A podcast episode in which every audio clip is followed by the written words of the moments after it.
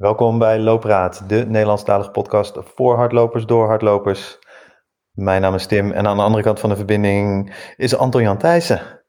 Hoe is het? Ja, goed Tim. Met jou? Ja, relaxed. Ja? Nou ja, eigenlijk niet. Maar... Eigenlijk niet, toch? De, de, dat, nee. dat, horen de luisteraars ook wel, denk ik. Dat er een ja, klein, een nasaal, uh, klein kraakje in je stem. Ja, ja gisteren positief getest. Net even bij de GGD geweest om, uh, om te laten bevestigen. En uh, dus ik ben niet in mijn beste, in mijn beste vorm. Maar, dus, er zullen niet heel veel kilometers volgen voor jou de komende dagen? Uh, nee, ik denk het niet. Nee. Of kun je in Flevoland gewoon eindeloos lopen zonder mensen tegen te komen? Nou, ik denk als je, uh, als je op dit, we nemen dit s'avonds op. Ik denk als je nu uh, richting Dronten loopt, dan uh, kom je weinig mensen tegen. Dan kom je niks tegen, nee. Dat zijn opties. Nee. nee. Het zou dus kunnen.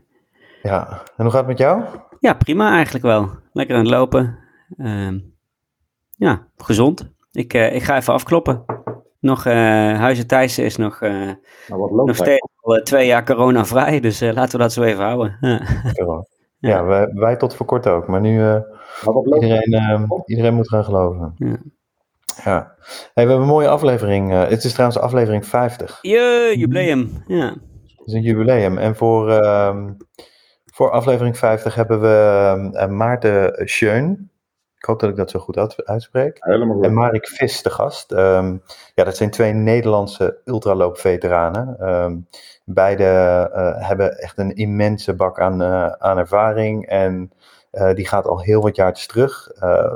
hun ultracarrière startte in, in Duitsland, waar ze samen deelnamen aan de 100 kilometer lange Zoekspitze-trail.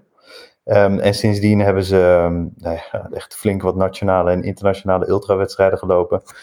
Maar ja, daar bleef het niet bij. Ze zijn hun passie zijn ze om gaan zetten naar, uh, uh, naar het organiseren van wedstrijden. En uh, zo doen ze dus bijvoorbeeld de Duinhopper, die al een paar keer in, in afgelopen afleveringen aan te sprake is gekomen. En de Leo 180 bijvoorbeeld.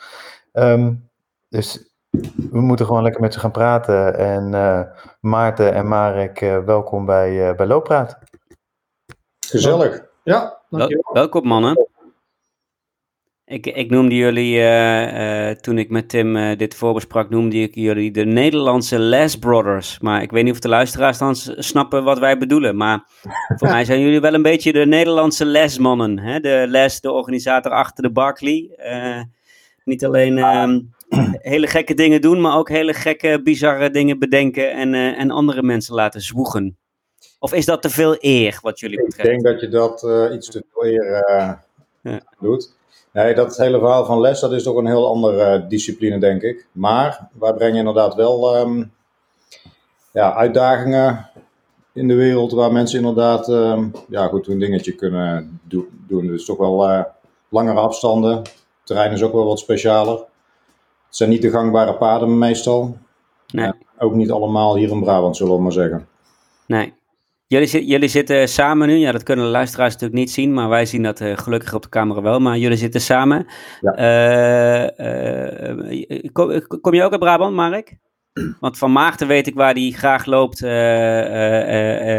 en in welke gebieden van Brabant. Maar van jou weet ik dat eigenlijk niet, Mark. Nee, ik woon sinds zeven jaar woon ik ook in Brabant. Maar ik ben kom in principe uit uh, Zuid-Holland. Dus ik heb uh, voorheen heel veel getraind in, uh, in de buurt van Katwijk in de duinen. Kijk, ook, nu, ja. ja. Dat is ook een beetje de duinhopper ontstaan. In, ja. Ka in, in, Katwijk of, of toen Marek daar nog woonde, zeg maar, in de duinen? Nou, hij is later ontstaan. Het begon met kortere loopjes langs het strand, die uiteindelijk wat meer aan elkaar geknoopt zijn. En van Lieverlee zaten we in één keer in ja, Hoek van Holland. Ja. Stond je, stond je opeens bij Muiden? Ja. Ja. Hoek van Holland en Helder, dat, was, uh, dat leek wel een goed idee, ja. Ja. Dat, dat was natuurlijk ook ooit de, de, de Jan Knippenberg Memorial, toch? Ja. Die, uh, maar dat was gewoon over het strand van Hoek van Holland naar Den Helder. Maar de Duinhopper, ik bedoel, we, we gaan nu al van de hak op de tak. Ja. Maar de Duinhopper is niet uh, uh, over het strand van Hoek van Holland naar, naar Den Helder, toch? Nee, nee zo, zo, waar mogelijk gaat hij door de duinen. Ja, ja. ja. En de, de, ja, maar Memorial, de Knippenberg Memorial die was geloof ik 140 ki kilometer. En het grappige was, het jaar dat wij die de eerste keer organiseerden, dat was ook het laatste jaar dat die georganiseerd was daarvoor. Die ene. Dus dat haakte eigenlijk best wel leuk op elkaar in. Ehm, ja, maar het gaat dus inderdaad niet over de, de stranden. En de eerste editie was volgens mij 200 kilometer. Ja. En daar zit maar 18 kilometer strand in, in heel die rit. En dat is bij, bij Petten daar. Dan moet je twee, drie keer Oh ja. op. En Ja. dat kan ook niet anders. Nee, klopt. Ja. Maar verder is het inderdaad wat zandhappen en duinhoppen. Ja. Een duinhopper, ja. En het, en het is niet, ehm, niet gewoon eh, één keer per dag eh, eh, 100 man met een startnummer op die daar dan aan de start staan en, eh, en, en finishen, toch? Het is, het is een wat andere opzet, een ander type evenement dan gewoon een, een regulier Ja, ultra- of hardloop-evenement. Het is ooit ontstaan om inderdaad als, ehm, als gezamenlijk project te gaan starten. Met een eh, gezamenlijke start en finish, ja goed, wanneer je daar aankomt. Alleen toen kikte natuurlijk corona in. En Ja. Het idee is dat je hem inderdaad in januari, februari dan eh, doet. Maar eh, dat ging natuurlijk niet. Toen hebben we het op een gegeven moment gewoon losgelaten. Hebben we gezegd, ja goed, als je in januari die race loopt, zelf. Gewoon kies maar gewoon ergens een dag. En je kunt aantonen dat je hem binnen die, ehm hadden we toen 36 of 48 uur? Eh, 48 48 uur. uur moet je gewoon gelopen hebben. Het is natuurlijk handig om dan gewoon een GPS-trekker mee te hebben onderweg, dat inderdaad eh, mensen kunnen volgen. Dan leeft het Ja. natuurlijk ook een beetje. Ja. Dan kun je natuurlijk ook wat mensen verwachten onderweg, die inderdaad wat ondersteuning eh, bieden, zo hier en daar. En uiteindelijk is dat een leven gaan leiden. En uiteindelijk, ja goed, februari was ook nog winters eh, verhaal. Dus hebben gezegd, ja, het was best wel een succes in januari. We trekken hem nog heel even door, naar februari. Ja goed, en dat is eigenlijk nu de opzet die we wel erin willen houden. Dus iedereen kan zelf een eigen dag gewoon kiezen. En ook het hele idee dat je hem of, ja, je kunt hem helemaal solo lopen zonder support. Wat ook sommige mensen doen. Maar je kunt ook zeggen, joh, ik heb een volgauto en die zie ik elke kilometer of tien. Ja. Die voorziet mij van eten, drinken, weet ik veel. Dus ehm, hoe je doet, maakt niet uit. Als je maar loopt, binnen 48 uur. Ja. Dus dat is Wat is, eh, Ja. wat is de huidige snelste tijd? Ik denk dat die op naam van Adi en Wouter staat, hè? 34 uurtjes. Nee, minder. Volgens mij eh, Ja, net net, onder de 33 volgens mij.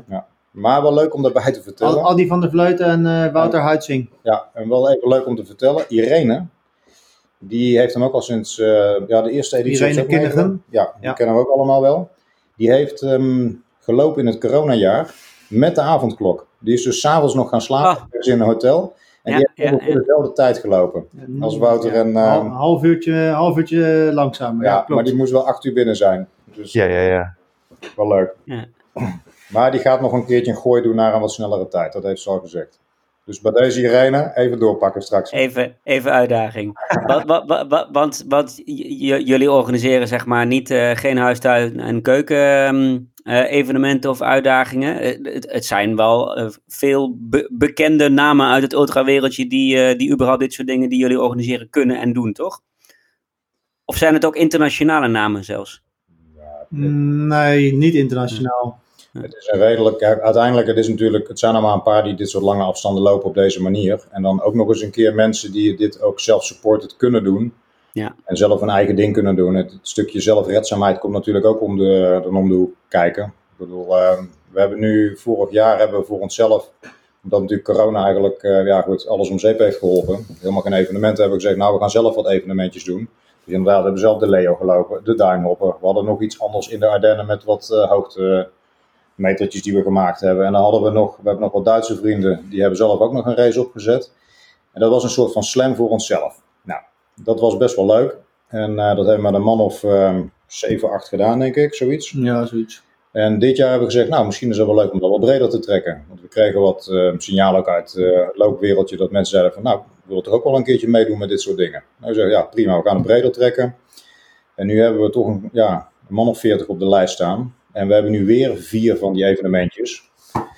En het maakt niet uit wanneer je ze loopt, maar je moet op het einde van het jaar alle vier die dingen gedaan hebben. Binnen 48 uur elk. Nou, En dan, dan heb je dus die slam te pakken. een De, slam te pakken. Ja. Marvel Slam toch, heet die dit Dat is jaar? Ja, dat was Slam. eh, 2020, ja. Ja. Ja, ja. Klopt. Het idee daarbij is dat je, ehm, we hebben toen wel gezegd, ja, weet je wat, we gaan er toch iets van geld voor vragen. Maar we willen natuurlijk niks verdienen. Ik bedoel, Nee. het is gewoon hobby. Dus we hebben gezegd, nou, iedereen moet gewoon 30 euro betalen. Dat gaat in een pot. En dan eh, op het einde van het jaar, iedereen die dan inderdaad alle vier de races gelopen heeft, Daar wordt die pot over verdeeld. Nou, en die kunnen het gaan opzuipen. Of ze zeggen, ja, goed doel kiezen we en dan spannen we het uh, daaraan. Dus, uh, maar kijken hoeveel mensen er overblijven op het einde van het jaar. Wij zitten er in ieder geval wel bij. Ik wou net zeggen, jullie zelf doen, doen wel, dat is wel het concept van alles wat jullie doen. Je doet het zelf ook, toch? Ja, en je moet het ook kunnen, kunnen halen. Het moet wel uh, realistisch zijn. Voor ons in ieder geval. We gaan, we, gaan zo, uh, we, we, gaan zo zeker verder, of eigenlijk vooral over, over, over jullie ultra's praten. Maar eigenlijk kunnen wij Loopraad niet officieel um, beginnen voordat we even heel kort bij jullie loopgeschiedenis hebben stilgestaan. Van waar het allemaal begon. Um, en ik denk dat, dat jullie aanloop misschien iets te, iets te lang is om dat helemaal te vertellen. Maar uh, misschien wel leuk als jullie allebei even heel kort kunnen schetsen hoe, die, hoe dat pad van de eerste meters van de bank naar de voordeur naar de ultra is gegaan. Wanneer hebben jullie de liefde voor de ultra's ontdekt? Um, nou, even kijken, als ik naar mezelf kijk. 2009 gestart met hardlopen, gestopt met, uh, met roken. En ik kwam ik erachter dat dat niet, niet goed samenging. Dus uh, toen is, is mijn rookverslaving overgegaan in, uh, in hardloopverslaving, denk ik. en een jaar later mijn eerste marathon. No, nou, nog, een, nog een jaar later tweede marathon. En toen kwam ik in gesprek met mensen. En toen bleek er een wereld achter de marathon te zitten die ik niet kende. Dat was het ultralopen. Ja, dat vond ik zo uh, intrigerend dat ik dacht van uh, hoe kan je verder lopen dan de marathon? En toen heb ik me op een gegeven moment ingeschreven voor 52 kilometer en dan ben ik een half jaar zenuwachtig voor geweest. en, Welke was dat? In Nederland? Of een, uh... Ja, dat was de Veluwe Zoomtrail. Ja. Oh ja, ja. ja, ja. En ik, ik weet toch dat ik daar, ik heb daar volgens mij echt een half jaar van tevoren zelfs nog met, overlopen zeuren tegen mijn vrouw en dit en dat. Van, ja, uh, gaaf dit en dat. En toen op een gegeven moment was ze het zat. Ze zegt, oh, schrijf je in dan. Ik zeg, oh ja, uh, oké. Okay. Nou, ingeschreven. Heb je gelopen? Nou, dat jaar niet volgens mij. Is dat die Salland... Uh... Maar okay. toen in ieder geval ingeschreven en dat, en, en dat gelopen. En toen kwam ik erachter van, oké, okay, had ik dan nog verder gekund? Toen dacht ik van, ja, nou ja, als ik nog verder had gelopen, ja, dan wel. Nou ja, zo stap je bij beetje 50, 60, 70 en dan ga je steeds verder. Dus toch elke keer kijken, kan je nog verder. Wat, wat, is, het, wat is het verste voor jou? Uh, 500. Ja. ja, dat is dat ding wat we toen februari 2020 gedaan hebben. Ja. Dus de, de, de, dubbele Legends Trail, zeg maar. Ja, ja. Legends 500, ja. ja. Dat is wel een avontuur. kan ik me iets meer voorstellen? nee, eigenlijk niet. Ik kan me er eigenlijk niks meer voorstellen. nou, er gaat nog ergens een filmpje rond. Um, ja, veel mensen kennen hem wel. Dan zie je inderdaad wel een klein beetje wat er allemaal uh, gebeurt onderweg met sneeuw en ellende. Maar dat zijn wel de dingen. Maar jij bent ongeveer in hetzelfde jaar als ik, denk ik, met de ultra's begonnen. Maar dat is eigenlijk nog niet, helemaal niet zo heel lang dus. Dat is helemaal niet zo lang, ja. Nee. Uh, 2000... Uh, 2011 liep ik mijn eerste ultra. Ik ook. We hebben elkaar eigenlijk leren kennen. Dat is misschien wel grappig. Dat gaat eigenlijk nog een stukje terug. Um, dat is eigenlijk nog in de marathontijd dat we echt op de weg nog liepen. En we, we, we twitterden toen echt als een, oh ja, als een Twitter, idioot ja. altijd. En we leerden elkaar een beetje kennen. En we reageerden altijd op dezelfde manier een beetje als er dingen gebeurden. op een gegeven moment was er een keer de Spijkenissen Marathon. En toen hebben we elkaar volgens mij een keer live uh, gezien. En toen op een gegeven moment, ja goed, ga je trailtjes lopen. En blijkt dat dat ook een hele wereld is. Toen heette dat nog helemaal geen trailtjes. Nee. Hardlopen in de bossen. Boskos. Ja. Lopen. Ja. Zonder je schoenen en dat soort gekke dingen. Nee, toen niet meer toch? Ja, dat deed ik toen ook nog. Dat deed ik toen ook nog. Ja. En um, ja, goed. En toen op een gegeven moment belanden we inderdaad in de Ardennen. Ja, dat was toch wel gaaf. En dat was niet alleen maar gaaf voor het, uh, het hardlopen, maar ook een beetje het hele sfeertje eromheen. Ja, dat, er waren gewoon, dan was er bijvoorbeeld de start om 8 uur s morgens. En om half negen komt er iemand een of andere sportkantine inlopen. Van jongens, we moeten nu echt gaan starten, want uh, iedereen is dan aan de koffie. Dus dat gemoedelijke en leuke sfeertje, ja, dat beviel ons wel. En zeker ook wat er dan na zo'n race natuurlijk weer gebeurt. Gezellig een biertje erbij, iedereen die blijft hangen. En dat kennen we eigenlijk niet uit dat hardloopwereldje van de wegatletiek. Ja, omdat iedereen natuurlijk gelijk uh, zijn, stop, uh, zijn horloge ging uit en paf, ze gingen gelijk naar huis. Ja, ja. alleen en, maar PR's lopen. Ja, en dat geneuzel, ja, dat, um, ja, toen dacht ik, hé, hey, dit is eigenlijk ook best wel leuk. En voor lieverlee um, ja, zijn we waar we nu eigenlijk zijn. Ja. Is er in die, in die trailwereld is er veel veranderd? Het is natuurlijk enorm populair geworden. Ja. Ehm, qua deelnemers, meer events. Eh, de, als je nu in de Ardennen eh, aan de start staat van een wedstrijdje, is dat gemoedelijke gevoel er dan nog steeds? Nou, dat is er zeker, maar je moet het wel op gaan zoeken. Als je inderdaad de grotere evenementen, ehm, ik ga geen namen noemen van evenementen, vind ik niet helemaal leuk en fair, want dat zijn, uiteindelijk zijn wij daar ook natuurlijk begonnen in dat soort eh, dingen. Maar goed, dat zijn inderdaad de 50 kilometer trailtjes, Ehm, ook hartstikke gezellig en leuk. Maar dan zie je inderdaad nog dat dat echte competitieve, dat zit er daar nog heel erg in. En je ziet dat inderdaad, ja, goed, mensen die racen daar echt om, uh, om snel te zijn en te racen. En um, dat mag natuurlijk ook wel. Wij zijn zelf ook natuurlijk nog wel competitief.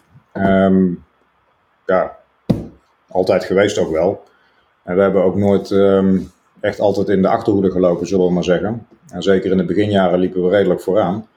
Maar op een gegeven moment laat je dat los. Je, op een gegeven moment word je ook een jaartje wat ouder. En um, ja, goed. Dan ga je uitdagingen zoeken in andere dingen. En dat is niet zozeer meer in snelheid, want dat geloof je wel. Dan ga je toch wat meer dingen zoeken als uh, wat zwaarder terrein, andere omstandigheden in de winter, uh, langere trails, meer hoogtemeters of ja, dat soort dingen.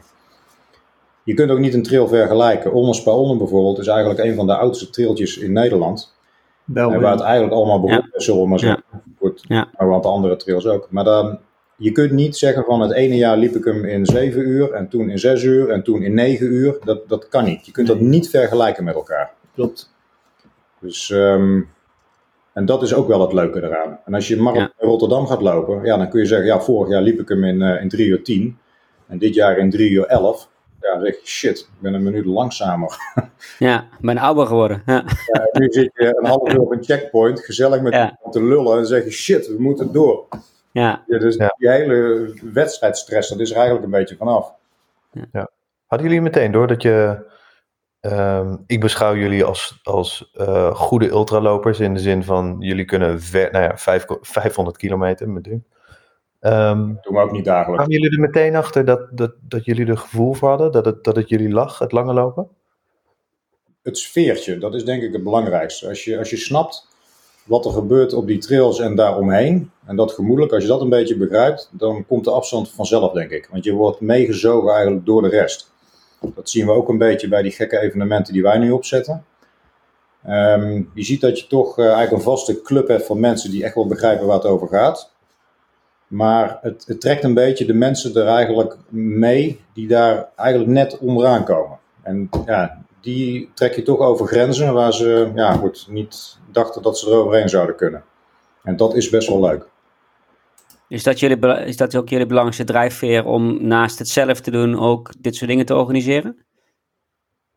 Ja. Of, of is dat gewoon omdat je het ook gewoon heel gezellig vindt? En, uh, nou, ja, ja het is wel mooi om, uh, om te zien dat, er, uh, uh, dat je mensen over grenzen heen laat gaan. Dat is, dat is wel gaaf.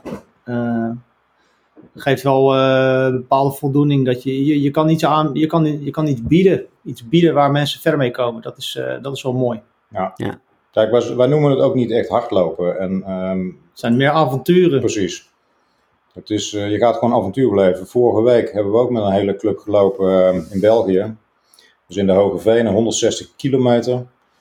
Ja, dan zie je toch inderdaad dat het um, ja, een serieus avontuur is. En het is ook niet altijd ongevaarlijk. Als er dingen gebeuren, ja, dan kan het best even een paar uur duren voordat er iemand is die je komt helpen. Weet je, en het, is, het is niet zo dat er een of ander safety team is. Dat uh, binnen vijf minuten bij je is met een brancard. En zegt van, joh, kom je eventjes weghalen hier. Je kunt niemand be bellen. Het is gewoon, uh, je hebt je eigen spullen mee en dat is het. En natuurlijk, als er iets gebeurt, je kunt elkaar natuurlijk bellen en elkaar helpen. Maar dan nog, als iemand vijf kilometer verderop zit, ja, voordat hij terug is, ja, dat duurt even. Maar goed, je kunt altijd 112 bellen, weet je. Uiteindelijk, twee, drie dagen later zit je wel weer thuis op de bank en dan is het wel weer oké. Okay. Je zult niet zomaar verder dingen. Dus, um, ja, de 500, meter, 500 kilometer was ook jouw langste, hè, Maarten? Ja, dat is er langs. Ja. Maar dat is wel extreem hoor. Maar we lopen inderdaad doorgaans, zullen we zeggen. Onze leuke afstandjes die we lopen, dat zijn de, de 160 kilometers. Dat is niet meer waar we echt zenuwachtig van uh, worden, zullen we maar zeggen. Maar inderdaad, uh, 250, 300 kilometers, ja, dat zijn wel onze, onze afstanden. Dat zijn een beetje ja. uitdagingen. En natuurlijk hebben we toen een keer die uitschieter gehad naar die 500. Maar goed, als die volgend jaar weer is, dan gaan we natuurlijk weer meteen inschrijven. En als die nog verder zal zijn, staan we ook gewoon aan de start.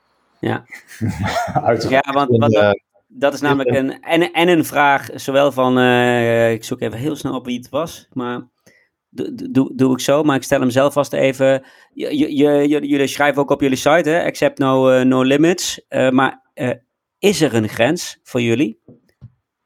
En dan misschien niet zozeer een, een grens die, die jullie fysiek, en, fysiek zien, of is er gewoon iets van, ja, nee, maar dat gaat echt te ver. Het aantal vakantiedagen denk ik dat ook nog Ja. een beetje speelt. Ja, dat, ja, ja. Een hele andere grens. Ja. Ja, dat, ja, weet je, ik bedoel, ehm, als, je, als je kijkt 500 kilometer, als het 600 was geweest, dan hadden we hem ook uitgelopen. Dat, dat, Ja, dat maakt geen verschil meer. Nee. Het is eh, waar, je, waar je dan mee bezig bent. Je bent gewoon, eh, d- dit is heel apart. Je bent onderweg en eh, je loopt van het ene naar het andere punt. En je weet dat je ergens weer een, eh, soort van checkpoint hebt. En nou, dat, dat duurt een uurtje of 10 of 15 of 18. Ja, ja, maakt niet uit. En daar ga je dan heen. tijdsbesef is op een gegeven moment ook gewoon helemaal weg. Het is, eh, je bent helemaal niet meer bezig met tijd en afstand. Nee. Je weet gewoon van, joh, de volgende etappe is weer 18 uur buiten zijn. En Nou, het, nou, to- het totaal is niet te beseffen. 500, we hebben het er nog vaak genoeg over gehad, ook met andere deelnemers.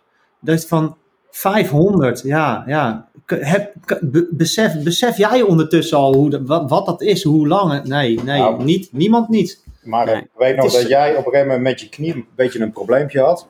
In het begin al. En toen zaten we op kilometertje 100 of zo. En dat we in het begin. nog maar 400 kilometer. Ja, Ja, Dan hebben we die knop om. Echt heerlijk. En uiteindelijk prima. Weet je, op een gegeven moment kom je weer, goed, dan gaat het gewoon weer verder. En dan ben je weer een stuk verder, een dag verder en dan gaat het wel weer. ja. Dus je moet niet bezig zijn met tijden en snelheden. En het is gewoon, eh, je hebt zes, zeven dagen voor zoiets. Ja, het idee was dat we binnen vijf dagen binnen zouden zijn of zo. Maar Ja. het, het duurde een dagje langer, weet je. Uiteindelijk, kijk je, uiteindelijk kijk je van, eh, het, is een wedstrijd, dus je hebt, we hadden zeven dagen gekregen om te finishen.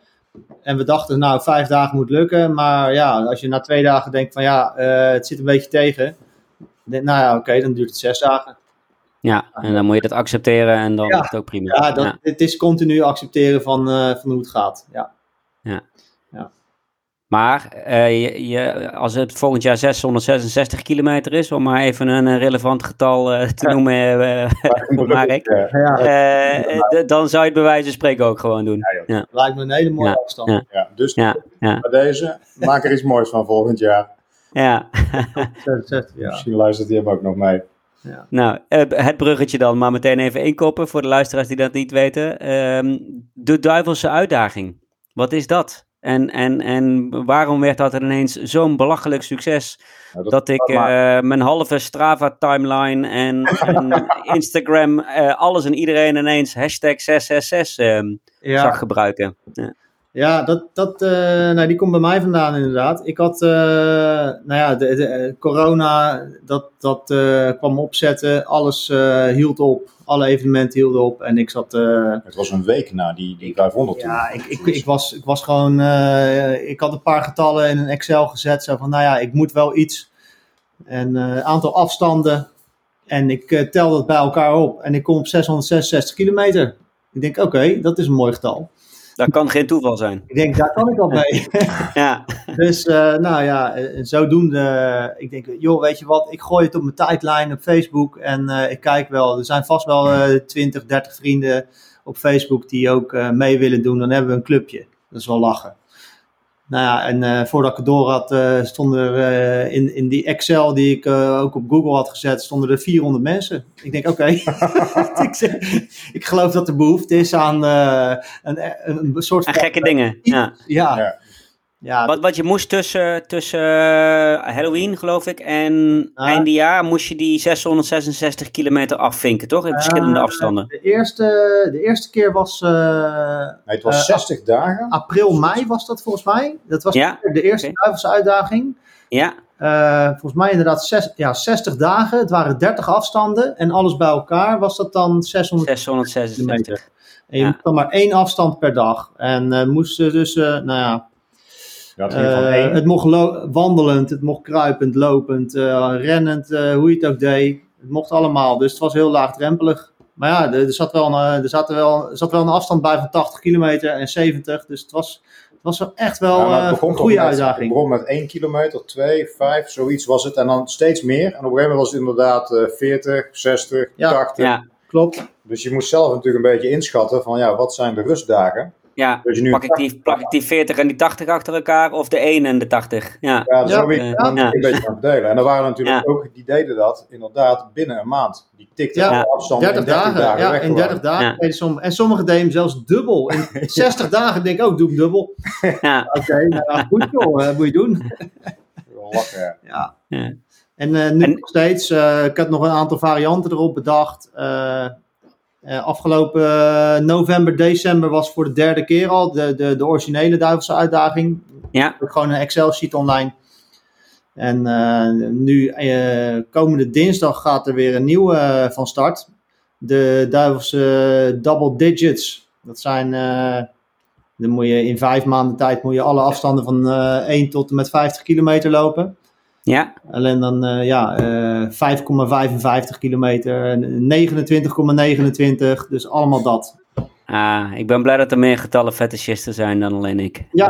Eh, ja. Dus, eh, ja. en ja. mensen vinden het blijkbaar gewoon geweldig om van die Ja. vakjes eh, te vullen. En af te ja. drinken. Prima.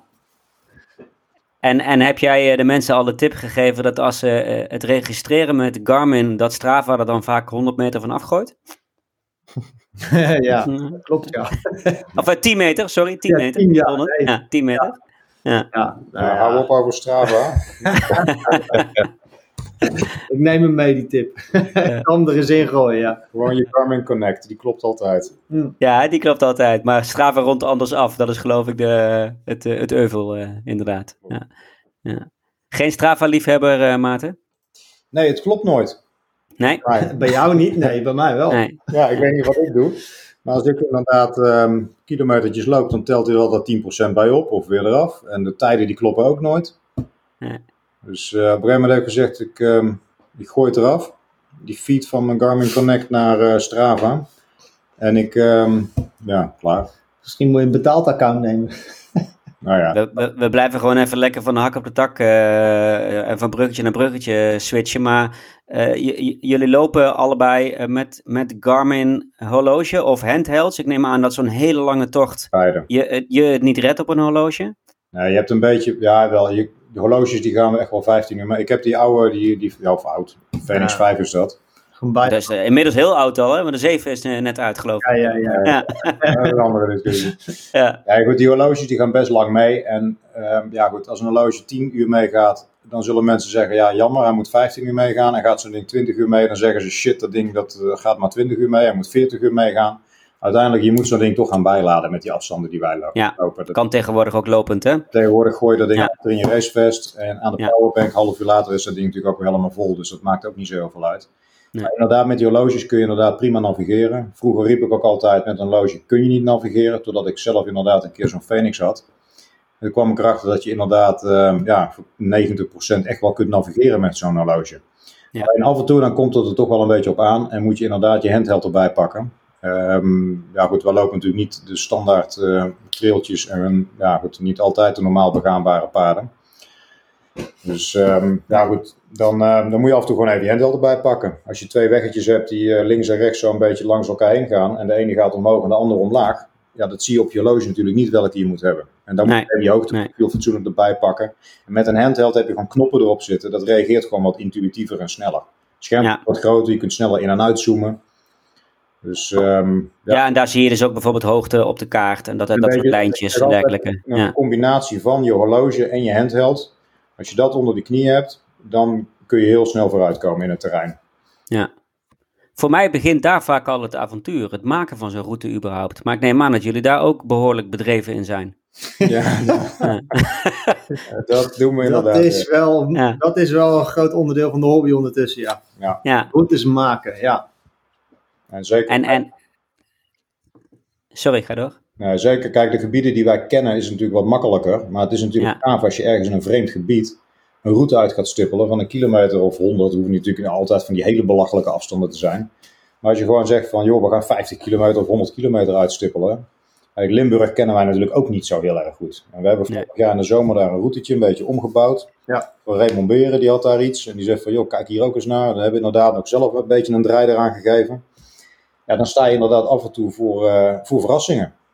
En op de kaart ziet het er heel prima uit. Ja. En dan uh, sta je even voor een of ander hek. Privé, hek, dicht. Ja, dan Ja. moet je gewoon omheen zien te navigeren. En dan kom je er ook niet met een, een, een horloge. Dan moet je naar Nee. je erbij pakken, in- en uitzoomen, een route eromheen zien te vinden. Want je kunt niet zomaar door privéterreinen gaan. Dat is, Nee. ehm, kijk, er is natuurlijk een heel groot verschil tussen een groot afgelegen bos van 3000 hectare. Ja, waar nooit iemand komt, waar misschien een klein bosje privé staat, waar uiteindelijk ook nog steeds iedereen doorheen loopt. Of inderdaad iemand zijn achtertuin. Kijk, Ja. En dat moet je natuurlijk ook een beetje kunnen gaan inschatten. Dus ehm, goed, en dat leer je op een gegeven moment wel. En dat is, vind ik, ook een beetje het mooie met het avonturen. En dat is wat wij eigenlijk gewoon doen. We bouwen routes. Ja, die kloppen niet altijd helemaal. En die Marvel Slam die we nu hebben staan, ja, daar zitten ook routes bij. Heel veel dingen kennen we wel. En de gebieden kennen we ook wel goed. Ehm, maar goed, dat soort lange afstanden zijn niet altijd helemaal voorgelopen. En ook Nee. is het zo dat er niet overal vergunningen natuurlijk zijn aangevraagd. Dat kan ook gewoon niet. Niet. Maar dat hoeft ook niet als je met niet meer dan 10 man ergens een loopje gaat doen.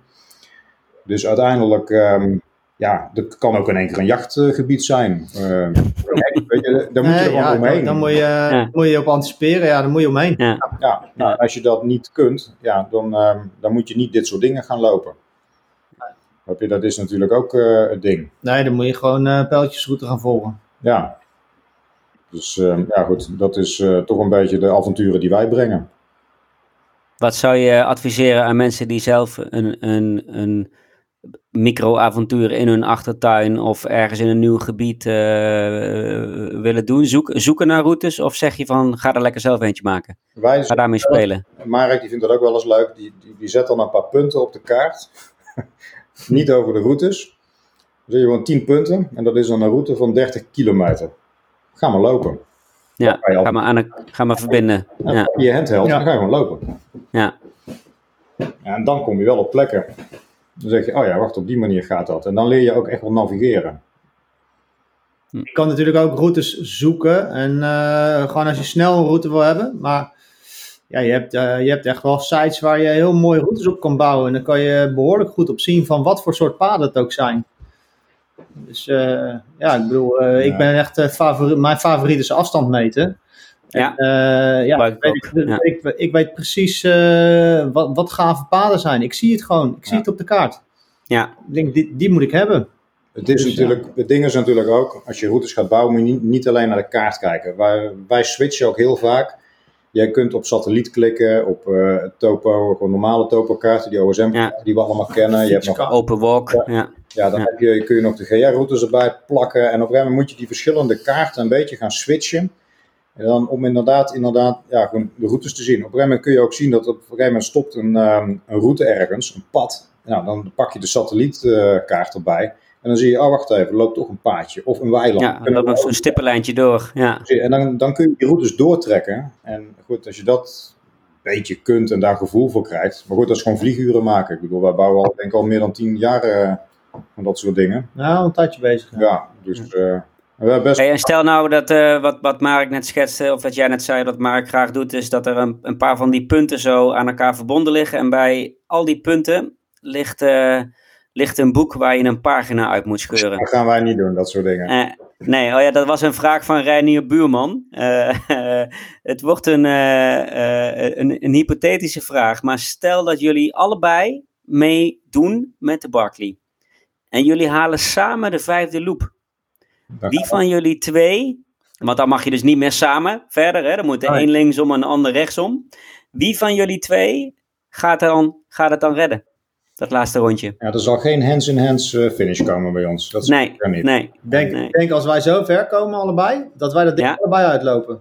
Ja? Dan wel, ja, op dat laatste zo, moment. zo ver zouden wij nooit komen in de Barclay. Nee, nee. Nee? Nee, dat redden wij niet.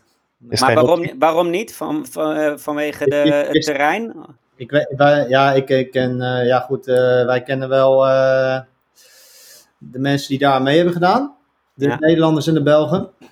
Maar dat is, nee, dat is een ander wereldje. Dat is niet te doen, joh. dat is echt niet te doen. Weet Ja, je, maar dit- stel, we staan allebei op eh, twee kilometer van de finish. ja, dan vechten we erom. Ja. Dat is natuurlijk... Uh... Maar goed, dan zou ik winnen. Nee, dat is niet waar. ik zou winnen. Wel niet. Ja? Ja. Nou ja. Nog een biertje? Ja, lekker. Ja. hey, in deze um, um, bierhaalpauze, uh, uh, Marek, hoe, er, hoe ziet een normaal rondje er voor jou uit?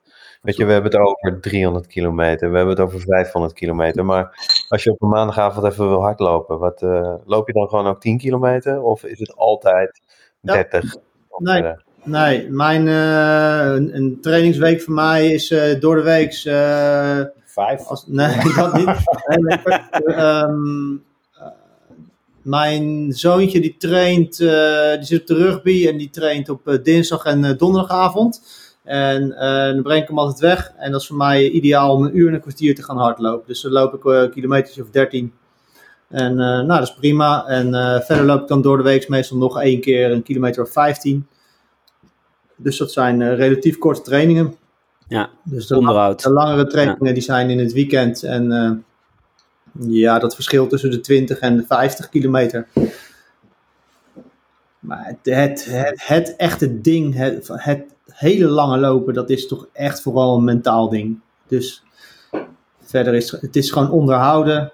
En uh, hele lange afstanden is gewoon. Uh, je moet het echt, echt gewoon doen.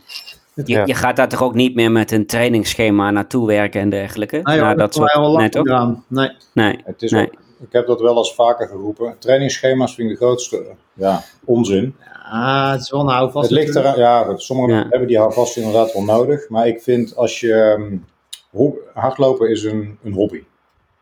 En ik vind als je een stok achter de deur nodig hebt om naar buiten te gaan om te gaan lopen. En dat met trainingsschema's, dan is het eigenlijk geen hobby meer. En ik snap best dat je trainingsschema's volgt om inderdaad je snelheid te verbeteren. Um, en bepaalde schema's dat je zegt van ja goed, er moeten bepaalde intervals worden ingebracht. Ik moet bepaalde hoogtemeters trainen en bepaalde weet ik veel wat. Maar dan ben je niet meer bezig met uh, hele lange afstanden en het avonturen eromheen. Dan ben je bezig met je prestatie verbeteren op snelheid over het algemeen. Mensen die, die hardlopen leuk vinden en lekker de natuur in willen gaan, die mensen hoef je geen schema's te geven. Die mensen die lopen toch wel. En het heeft dan, ja goed, de snelheid die komt vanzelf, zeg ik altijd. Als je op een gegeven moment um, de terrein in gaat en je vindt het leuk en je gaat uh, trainen voor een uh, 50 kilometer trail, ja, dan moet je, vind ik, gewoon ook 50 kilometer kunnen lopen. Zelf al, in de weekenden. Ja.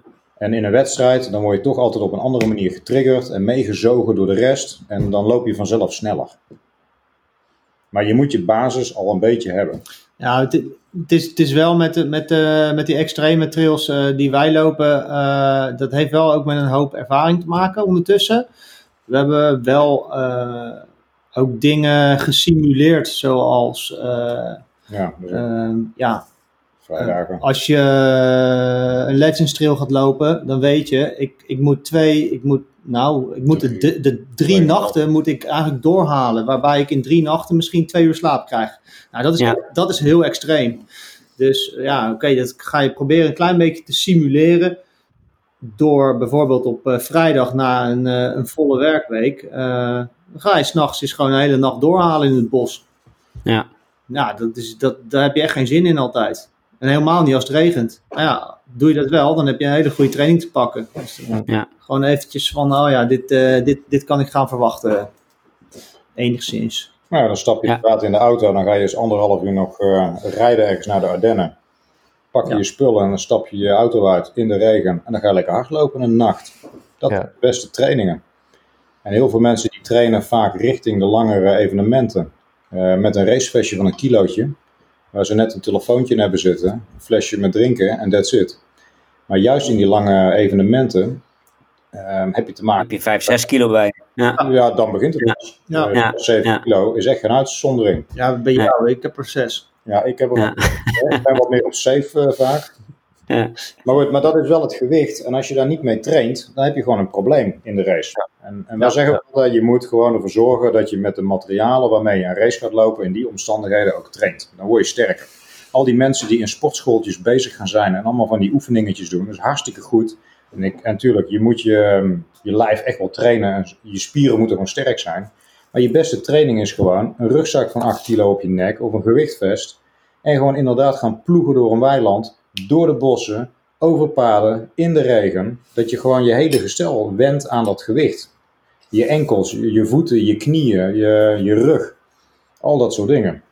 En dat, Ja, en eigenlijk alle obstakels die je gaat tegenkomen, eh moet- slaapgebrek, eh, dat soort eh, gewicht, dat, dat zijn nou juist de dingen die je vooraf traint. En wat ik heel veel train, ehm, en dat zie ik eigenlijk niet veel bij anderen. Ik woon toevallig in een heel mooi hardloopgebied. Op 500 meter van mij vandaan zit ik gelijk ergens op de hei op de smalle paden.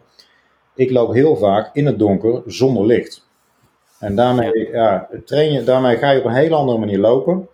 Waardoor je ook gewoon je reflexen heel anders maakt. Dus op een gegeven moment als je op een boomwortel trapt, of in een kuiltje, of ergens op een oneffen dingetje.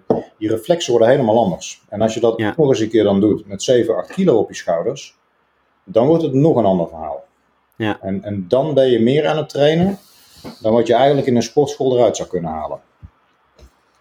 Dus, ehm ja goed. Trainen? Train, train je de voeding ook? Nee, Nee. nee, Nee? Nee, dat is... Ik las ergens. eh, Het één ding wat, wat echt eigenlijk ons grote advies altijd is, gewoon zorg dat je alles vreet wat je eigenlijk tegenkomt op trails. Dat je ook weet, Ja. die, checkpoints, die vieze, natte wijngums en die Ja, ja. chips en wraps die al drie dagen liggen te verpieteren. Cola zonder Rommel. prik. Ja. Die moet je gewoon zien weg te werken. Ja. En als dat op een gegeven moment gaat, dan ga je cola drinken. Dat Cola. neutraliseert. Ja. En als Dat boer je lekker op. werkt, Ja. dan doe je cola met water. Dan mix je dat 50-50 met water. En, en als dat niet meer werkt, ja, dan hopen we dat je bij de finish bent. Ja. Ja, Maar dan nog kun je heel ver komen. ik, hoor, ik hoor bijvoorbeeld niet dat jullie eh, eh, jelletjes eh, nemen. Nee. we zitten wel altijd verstopt onder Nou, altijd één som- of twee. we hebben wel bij soms, ons. soms wel een paar bij ons. Je hebt, eh, de- mo- het is mogelijk dat je een moment krijgt eh, dat je wat je even niet voorzien hebt. Dat je echt een, een Ja. soort van dip, een hele dikke dip krijgt. En dan kan je maar beter een jelletje erin gooien, dat je even energie krijgt. Ja, even een rescue jelletje. Ja, Ja. precies. Wel met Ja. van die cafeïne dingen. Dan heb je echt zo'n Ja. een boostertje. Maar je, ja, je, je kan je voorstellen, als je op een marathon eh, zes eh, jelletjes wegwerkt, dan kan je op 160 kilometer, je kan natuurlijk niet 30 van die jelletjes in je tas douwen. Nee, Niet heel Dat, dat, word je helemaal gek. nee. Weet je nog met Ja. de Great Escape, die gast die nu onlangs eh, Ja. gewonnen heeft, die Ja, had dus een zijn dropback, wel. Die had een plastic zakje. Er zat alleen maar Ja, gelletjes in. Ja, weet je, die gasten die. er zijn altijd uitzonderingen. Sommige mensen die Ja. leven erop. Ja. Ja. Hey, wat, eh, naast die jelletjes, wat zit er nog meer in jullie rugzak dan als jullie zo'n eh, lange, lange trail gaan lopen? Veel. Bakstenen van 7 kilo. Ja. Nou, ja, in de training is het inderdaad anderhalve liter flessen met water. En die in handdoeken ingerold. Die zitten er achterin. Dat is zo'n vaste eh, tas. Ik heb dan eh, meerdere tassen, allemaal dezelfde. Maar goed, eentje die hoef ik dan niet meer uit te pakken voor de trainingen. Dus gewoon hup dat ding op. Maar inderdaad, in races, Mhm. ja, we hebben een hele paklijst. Er zit van alles. Is je inderdaad je regenkleding, eh, Ja. broek, eh, jas, donsjas, extra lagen, powerbank, eten, drinken, een stukje elektronica. Je moet wel kabeltjes hebben. EBO. EHBO, ja, dat is ook een hele pack. Eh, Ja. Rescue bags, eh, extra aluminium dekentjes. Extra, Wat EHBO? oh, dat is Mm, Pleisters, een rolletje tape. ja, bandage. Ja. eh, ook. tape. Injectienaalden om op blaren te prikken. Het is ehm, alcohol wipes om inderdaad je voet als er ergens iets is om dat weer schoon te maken. Een Sterilon flesje. Ja. bedoel, als je ergens op je bek gaat en je heel je knie die ligt open omdat je ergens op een steen eh, beland bent. Ja, dat moet je ook even schoonmaken. Want je wil natuurlijk waarschijnlijk je race wel voortzetten. Dus je moet dat inderdaad schoonmaken, afplakken en door. Dus krijg je een Hoe dingen infectie. Ja. kunnen maken. Eh Ja. verband zit er ook altijd in. Weet je, als je eh, je enkels, dat is ooit een keer een verplichte geweest ergens met Ja. een race. En hebben we ook gezegd, ja, dat is altijd handig. Als je je pols breekt of kneust of zo, omdat je valt. Joh, je zwakkelt die dingen in en je kunt in ieder geval door. Ehm, Stokken zitten er ook eh, vaak in het racevest. Ook een soort van backup. Ik loop namelijk niet graag met stokken. Dus dan heb ik ze vaak wel bij me. Mocht ik eh, door mijn enkel gaan of zo. Ja, Eh, eh, ja, drinken, dat is al, ook al vaak. eh, nou, je hebt. eh waterfilter. an- ander, filtertje. ander- filtertje. vaak Ja. waterfilter. Nou, dan heb je ook weer van dat uh, Hadex spulletje erbij om je water weer... Uh... Flink mes hebben we ook altijd bij ons. Ja, mes is ook altijd goed. Als je een of andere wolf tegenkomt of een schaap, je moet toch wat eten onderweg. Ja, nee. dat, kan, dat kan niet lang meer duren dat hij de wolf tegen gaat komen. Nou, ja, ja, ja. Toevallig zag ik een berichtje gisteren bij mij in mijn achtertuin. Twee kilometer verder is hij nu gespot. Ah, kijk. Dus dat wordt wel jij, gaaf, uh, s'avonds. Jij gaat op zoek. Ja, ja, ja. dat is wel gaaf om daarmee thuis te komen met zo'n beest aan de halsband. Ja, ja. Onder licht. Ja. Nee, maar goed, zo'n uh, zo'n racevest is dus al, uh, al gauw uh, ja, minimaal 5 kilo. Bij ons op die ja. site hebben we ergens een stukje staan over materiaal wat je mee moet nemen en wat handig is. En daar staat eigenlijk een beetje een checklist ook. En dat is eigenlijk een complete checklist. Of je nou een zomersloopje, een wintersloopje, een kort of een lang ding doet. Je kunt op een gegeven moment zelf bepalen wat je wil uh, hebben. Maar daar staat ook een beetje beschreven wat handig is en waarvoor je het eigenlijk zou moeten hebben. Sommige dingen zeggen, ja, maar dat hoeft toch helemaal niet. Maar als je dan gaat uitleggen aan mensen waarom je iets nodig zou kunnen hebben, ja. dan wordt het in één keer een ander verhaal. En heel veel spullen sjouw je niet mee omdat je het nodig hebt tijdens het lopen, maar juist op het moment dat het verkeerd gaat. En als je gaat dragen. En in die hoge venen waar we vorige week daar Zoals zaten, vorige week inderdaad, dan is het uh, gevoelstemperatuur min 5 als jij stilvalt uh, en je moet anderhalf uur wachten op uh, dat iemand jou daar uit, uit die ellende komt halen, ja, dan, dan, dan moet je echt wel iets warms hebben. Ja. ja. Dus dat uh, ja, dan sjouwen we mee. Gewoon gevaarlijk anders. Ja. Ja. Ja. ja. Maar dan kom je er weer op wat we al iets eerder ook zeiden.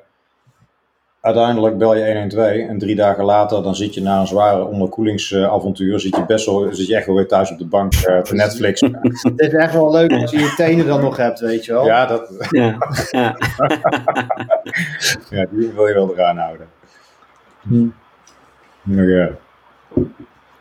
De, de, fa- de favoriete loopgadget eh, vraag eh, die we altijd stellen bij, ehm, bij Looppraat. Wat, wat zou dat bij jullie zijn? Je, je, je schetst net, je, heel veel dingen heb je bij je, eh, die hoop je niet nodig te hebben, maar die moet je bij je hebben voor het geval dat. Maar is er iets waarvan je zegt, ik mag echt maar één ding meenemen, wat ik altijd meeneem? Handheld. Mijn horloge. Handheld? Nee, Handheld. bij, bij mij mijn horloge, daar zit ook alles Ja. op. Ja. Ja. Dat is Ja. navigatie, het is, het is eigenlijk gewoon een boordcomputer. Daar zit alles op. Ja. ja goed, er zijn het, eigenlijk zijn er wel meer dingen. Een telefoon Nee, je mag er maar één, zei hij. Nee, ik ben altijd van meer. Ja. Dat Ja. gaat niet goed, hè? Is dat ook het verschil tussen jullie twee? Want, want jullie lopen heel veel samen, maar jullie, er moet iets anders zijn in jullie. Hij is de gadgetman. Eh, Maarten die zoekt het al echt tot op de bodem uit. En dan koopt hij iets, dan test hij het. En dan eh, is het goed of is het niet goed. En als het goed is, dan, eh, dan koopt de halve wereld het ook. Ja, Dan weet je, oké, Maarten Schön die heeft, het, eh, die heeft het gekocht en het klopt. Top. ja, Ik moet het ook hebben. Ja, maar Dus Ja. die kijkt er, oh ja, die denkt nooit na. Oh, er zijn stokken. Oh ja, die kopen die ook maar. Hoofdlampje. Oh ja, ik wil ook een ander hoofdlamp. Ja, ja. Dus, Dus ja, ik, volg, ik volg altijd een paar maanden later. Is dat in voorbereiding op, eh, op evenementen ook zo? Dat, dat Maarten meer bezig is met, met, met de voorbereiding en wat er allemaal geregeld moet worden en et cetera, et cetera. Ja, is dat zo? Ja, ik denk het wel. Ja. Ik ben, eh, meestal heb jij een paar dagen van tevoren alles gefixt. En dan eh, de avond van tevoren dan gooi ik alles in de tas. Zeg ik, nou, ben ik klaar. Is Mijn tas is... eh, nee, dat is dus niet waar. Ja, jij wel. Dan is mijn tas, eh, dan is mijn racevest 4 kilo en die van hem is nog steeds 7 kilo. Ja, Ja, en dan halverwege de race. Nee, is niet waar. Dat... Ik weet al wat je gaat zeggen, is niet waar. Wat dan? Ja. Nee. Ja, dat ik eh, dingen van jou nodig... Ja, oké, Nee. soms wel. Nee, heb je nog, heb je nog dit? Heb je nog dat? nee, dat is Nee. niet waar. Hey, José Vicente, eh, oud voormalig gastloopra, bij jullie ook bekend. Eh, veel groeten en eh, hij verheugt zich op de uitzending. Maar hij vraagt zich ook af of jullie elkaar wel eens zat zijn tijdens het lopen. Nou, nou, ik denk dat dat bij ons wel meevalt. Want dat hoor je wel geregeld natuurlijk in het ultrawereldje. Hè? Je hebt elkaar nodig. Hè? Zowel vrienden als, als onbekenden. Eh, maar ik kan me ook voorstellen dat je elkaar op een gegeven moment even gewoon niet meer kunt luchten of zien. Ik denk dat, dat als wij elkaar aankijken, dan weten we eigenlijk al wat er aan de hand is. En wat er moet gebeuren. Dat is, we lopen natuurlijk al zoveel jaren samen. Dat gaat al meer dan tien jaar terug. En we hebben echt wel, ehm, ja goed, oorlogen gewonnen, zullen we maar zeggen, samen. Die we misschien afzonderlijk van elkaar niet gewonnen hadden. Je hebt uh, bijvoorbeeld, uh, als je kijkt naar uh, zo'n Legends 500 kilometer, ja. die loop je helemaal samen. Maar je loopt ook uren 40 meter uit elkaar. Ja, ja. dat ook. En dan uren praat je niet met elkaar. Want je weet ook van, nou, die zit echt zwaar in de shit, weet je wel. Laat maar, laat maar aanmodderen. Dat komt wel goed, hij beweegt. Dus we gaan nog steeds vooruit, Ja. laat maar gaan. Ja. Uh, daar hoef je ook niks te gaan zeggen. Dus uh, we weten wel wanneer we gewoon uh, elkaar niet moeten lastigvallen. Wat wij wel geleerd hebben in al die jaren is dat je eigenlijk niet te veel moet proberen vast te klampen aan elkaar. Als het op een gegeven moment niet meer gaat, dan moet je elkaar los kunnen laten. En dan is het inderdaad op een gegeven moment van, joh, ga maar lopen. En we zien wel in de race waar we elkaar weer tegenkomen, maar in ieder geval bij de finish. Ja. Ja. En met die 500 was ook de hele insteek, omdat we eigenlijk, die was toen in eind februari, en we zouden, um, in augustus zouden we de PTL gaan lopen. En Michiel Panhuis, die hebben jullie ook wel eens een keertje ontmoet. Nou, we zouden Ja. met drieën gaan lopen en dat was eigenlijk voor ons ook een test om eens even te kijken, oké, we gaan nu een week lang buiten zijn, met elkaar. We gaan niet meer loslopen van elkaar. Nee. Nou, Marek had een akkefietje met zijn knie. En het was ook van, ja Marek, je zegt het maar, of we stappen samen uit, of we gaan samen door. Maar als jij uitstapt, is mijn race ook naar de kloten. En dat is natuurlijk ook een beetje met zo'n PTL het verhaal. Je gaat als team Ja. erin, stapt er eentje uit, zeker in het eerste traject, ligt het hele team eruit. Ja. En uiteindelijk moet je samen een oplossing zien te vinden. En dat is natuurlijk ook het ding, als je, ook al loop je 100 kilometer of 50 kilometer, als je met, met elkaar loopt en je bent met eh, bevriende mensen, dan ga je elkaar helpen. En dan moet je dat competitief een beetje loslaten. Op een gegeven moment moet je ook gewoon zeggen, ja, ehm, het gaat een dag langer duren. Ja. Oké, prima. En het is, het is nog ja, 400 kilometer of zo. Maar op een gegeven moment, ja goed, je blijft wel bij elkaar. En of je elkaar zat bent, nee, bij ons is dat niet het geval. En ik denk ook omdat we altijd een bepaalde positieve manier erin zitten. Bepaald cynisme zit er wel in. Ja, maar altijd heel veel respect zeker. hebben voor elkaar, voor wat we eigenlijk doen. En gewoon op een leuke, is, prettige het is, manier. het is dan een beetje. eh, je zeikt elkaar eigenlijk gewoon een beetje af. Als een Ja. lachje dan terug. En dan, Ja. Je weet het Ja. ook gewoon, weet je wel. Van, ja, shit. Ja. Ik weet, nog, ik weet nog dat moment dat we door die Ninglinspo liepen, naar boven door die sneeuw en dat ik een bloedneus had. Ik had Ja. het vanaf beneden bij die parkeerplaats tot boven. En ik denk dat ik echt drie kwartier lang of een uur echt heel die Ninglinspo, heel die sneeuw heb volgeblazen met, met, met bloed uit mijn neus. ja, dat is een mooi spoor, ja. Eh, Ja.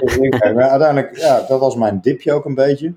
Ja, die duurde wel iets langer hoor. Ja, duurde lang? Ja, wel een ik uurtje of zeven volgens mij. Maar ja, daarna ging het wel weer. Ja. Ja, en dan, ehm, ja, dan is het nog een paar dagen. Uiteindelijk kom je er wel. Maar je moet gewoon doorgaan. En je moet dat samen doen. Maar je hoort het, maar wat, wat je wel eens hoort, dat mensen wel eens zeggen van ja, ik zou ook wel eens zo iemand willen hebben waarmee je samen dit soort dingen kunt doen. Ja. Maar je, moet, je kunt daar niet naar zoeken, je moet een bepaalde klik hebben. Ik heb dat toen een keer in een Legend ook gehad. Toen liep jij niet mee dat jaar. En ik liep toen, dat was met, die, eh, met Paul Bremmers, die nu ook toevallig eh, met die Ja. Bezig is vanavond. En op een gegeven moment, na 100 kilometer, klik, ik zit in één keer bij hem. Ik kende heel die, ja, heel die Paul niet. Ja. En op een gegeven moment, eh, heel die race mee uitgelopen, over de finish gekomen. En een bepaalde band ontstaat daar toch. Je kunt daar niet naar op zoek gaan, mensen die met jou samen willen. Je kunt er wel afspreken en je kunt proberen iemand te vinden die de, jouw tempo loopt. Jouwzelfde manier van, eh, van humor heeft. Ja. Ehm, maar je moet elkaar op een gegeven moment ook begrijpen. En als je elkaar in de ogen kijkt op een zwaar moment, dan moet je precies weten wat er aan de hand is. En dat zijn ook van die dingen, je moet elkaar ook een beetje ondersteunen. Dat als je op een gegeven moment zelf iets, iets, eh, iets eet, dat je ook altijd even alert bent van, joh, eet jij ook genoeg? Of neem je zelf een slokje water, drink je genoeg? Eigenlijk moet je continu elkaar vertellen wat je aan het doen bent. En die ja, wisselwerking noem ik het maar, dat moet je Ja. nature eigenlijk hebben met elkaar. En dat heb je vaak niet met mensen waar je een keer een trailtje mee loopt. Ja. Nee. Dus, Maar dat kan dus ook gewoon spontaan Ja. op de trail gebeuren. Ja, ja, absoluut. Ja. en, Ja. dat is, en dan heb je op een gegeven moment wel een klik met mensen. En dan ga je ook wel vaker afspreken met die mensen. En dan groeit dat. Weet je, je hoeft niet altijd... Is, is dat wat dit ook zo mooi maakt? Ja, dat is het Dit soort wel. avonturen? Ze zeggen wel eens, Ja, het, het kan enorm verbinden, zoiets. Ja. Nou, wij zeggen ook wel sporten dat verbindt, maar ultralopen dat verbroedert op de een of andere manier. Dat is toch, dat gaat net even een stapje verder. Je, bent, eh, je bent herinneringen aan het maken met elkaar. Dus eh, dat, dat is natuurlijk super gaaf. Als je, eh, de- we, hebben wel, we hebben met heel veel andere ultralopers ook hele gave herinneringen. En als je die mensen ziet, ja, dat komt altijd omhoog. die verhalen, altijd. Ja, dat... dat En, en, en is dat, want ik, ik, ik herken dat, en, maar ik, ik vraag me dan, ik stel mezelf dan af en toe de vraag, is dat omdat je samen hebt afgezien? Of is dat omdat je, samen... misschien is het antwoord wel allebei hoor, maar of is dat omdat je dat hebt ervaren met iemand die dat ook snapt? Ja, wat, wat, de buitenwereld snapt dit niet. Hè? Wat, wat, je, wat, ik doe al niet, maar wat jullie doen al helemaal niet. Ja. Het is het samen overwinnen van iets, waar het denk ik om gaat. Dat je samen op een gegeven moment die bevrediging hebt als je over die finish komt. Van joh, we hebben dit samen gedaan. Weet je? Of een bepaald uh, traject, heel zwaar traject. En iemand die heeft een hele zware dip gehad. En de andere die heeft hem gewoon er doorheen gesleurd. Van kom niet zeiken. Maar Mark ook wel eens. Dat hij daar ergens op die sneeuw loopt te ploeteren. Vergeet het nooit meer. Ja, ik, ik, wil nu slapen. Nee, weet je, op een gegeven moment, eh, het is... Kan niet, je kan hier niet gaan liggen. min 4 in de sneeuw. Nee, dat kan niet, maar doorlopen, weet je.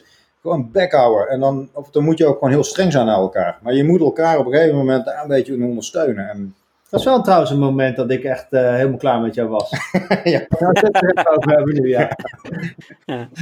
ja, dat was... Uh, oh, oh, oh. Stoppen voor Tim. Nog niet stoppen.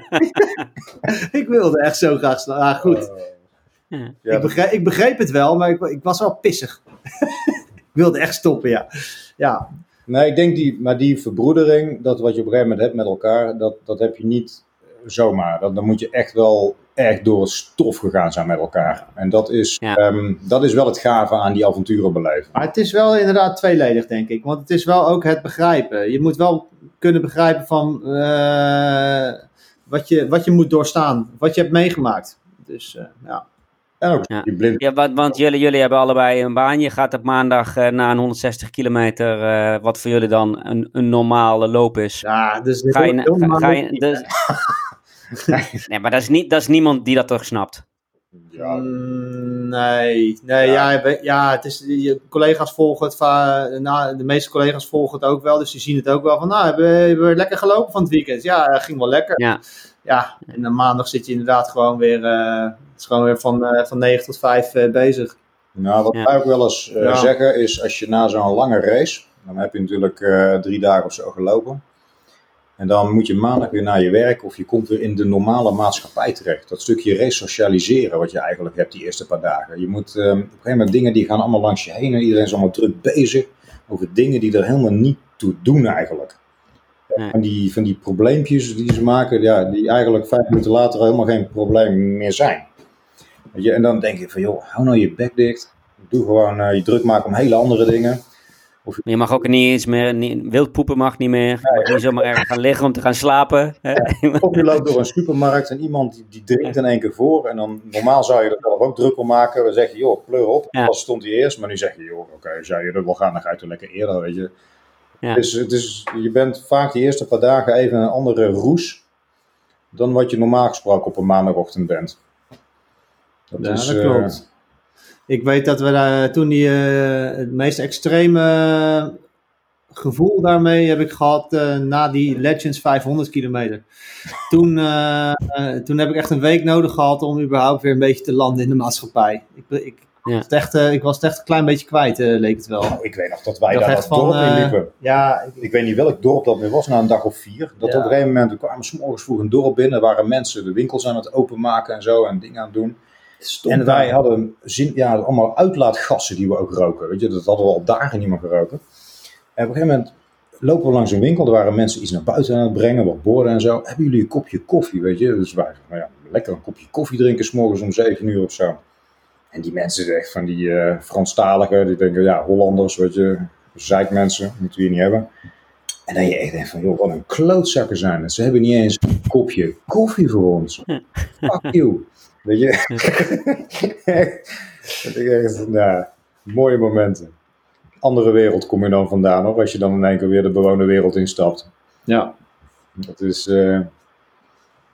Als er nou luisteraars zijn, kijk, lang niet alle luisteraars zullen, uh, zullen ooit een ultra kunnen, willen of, of gaan lopen. Maar als er nou luisteraars zijn waarvan je, of die denken van, hey, dat, dat opzoeken van dat avontuur, van zelf even uit die wereld stappen, dagelijkse wereld en dergelijke. Kan dat ook met 20 kilometer of met, met kortere afstanden? Of...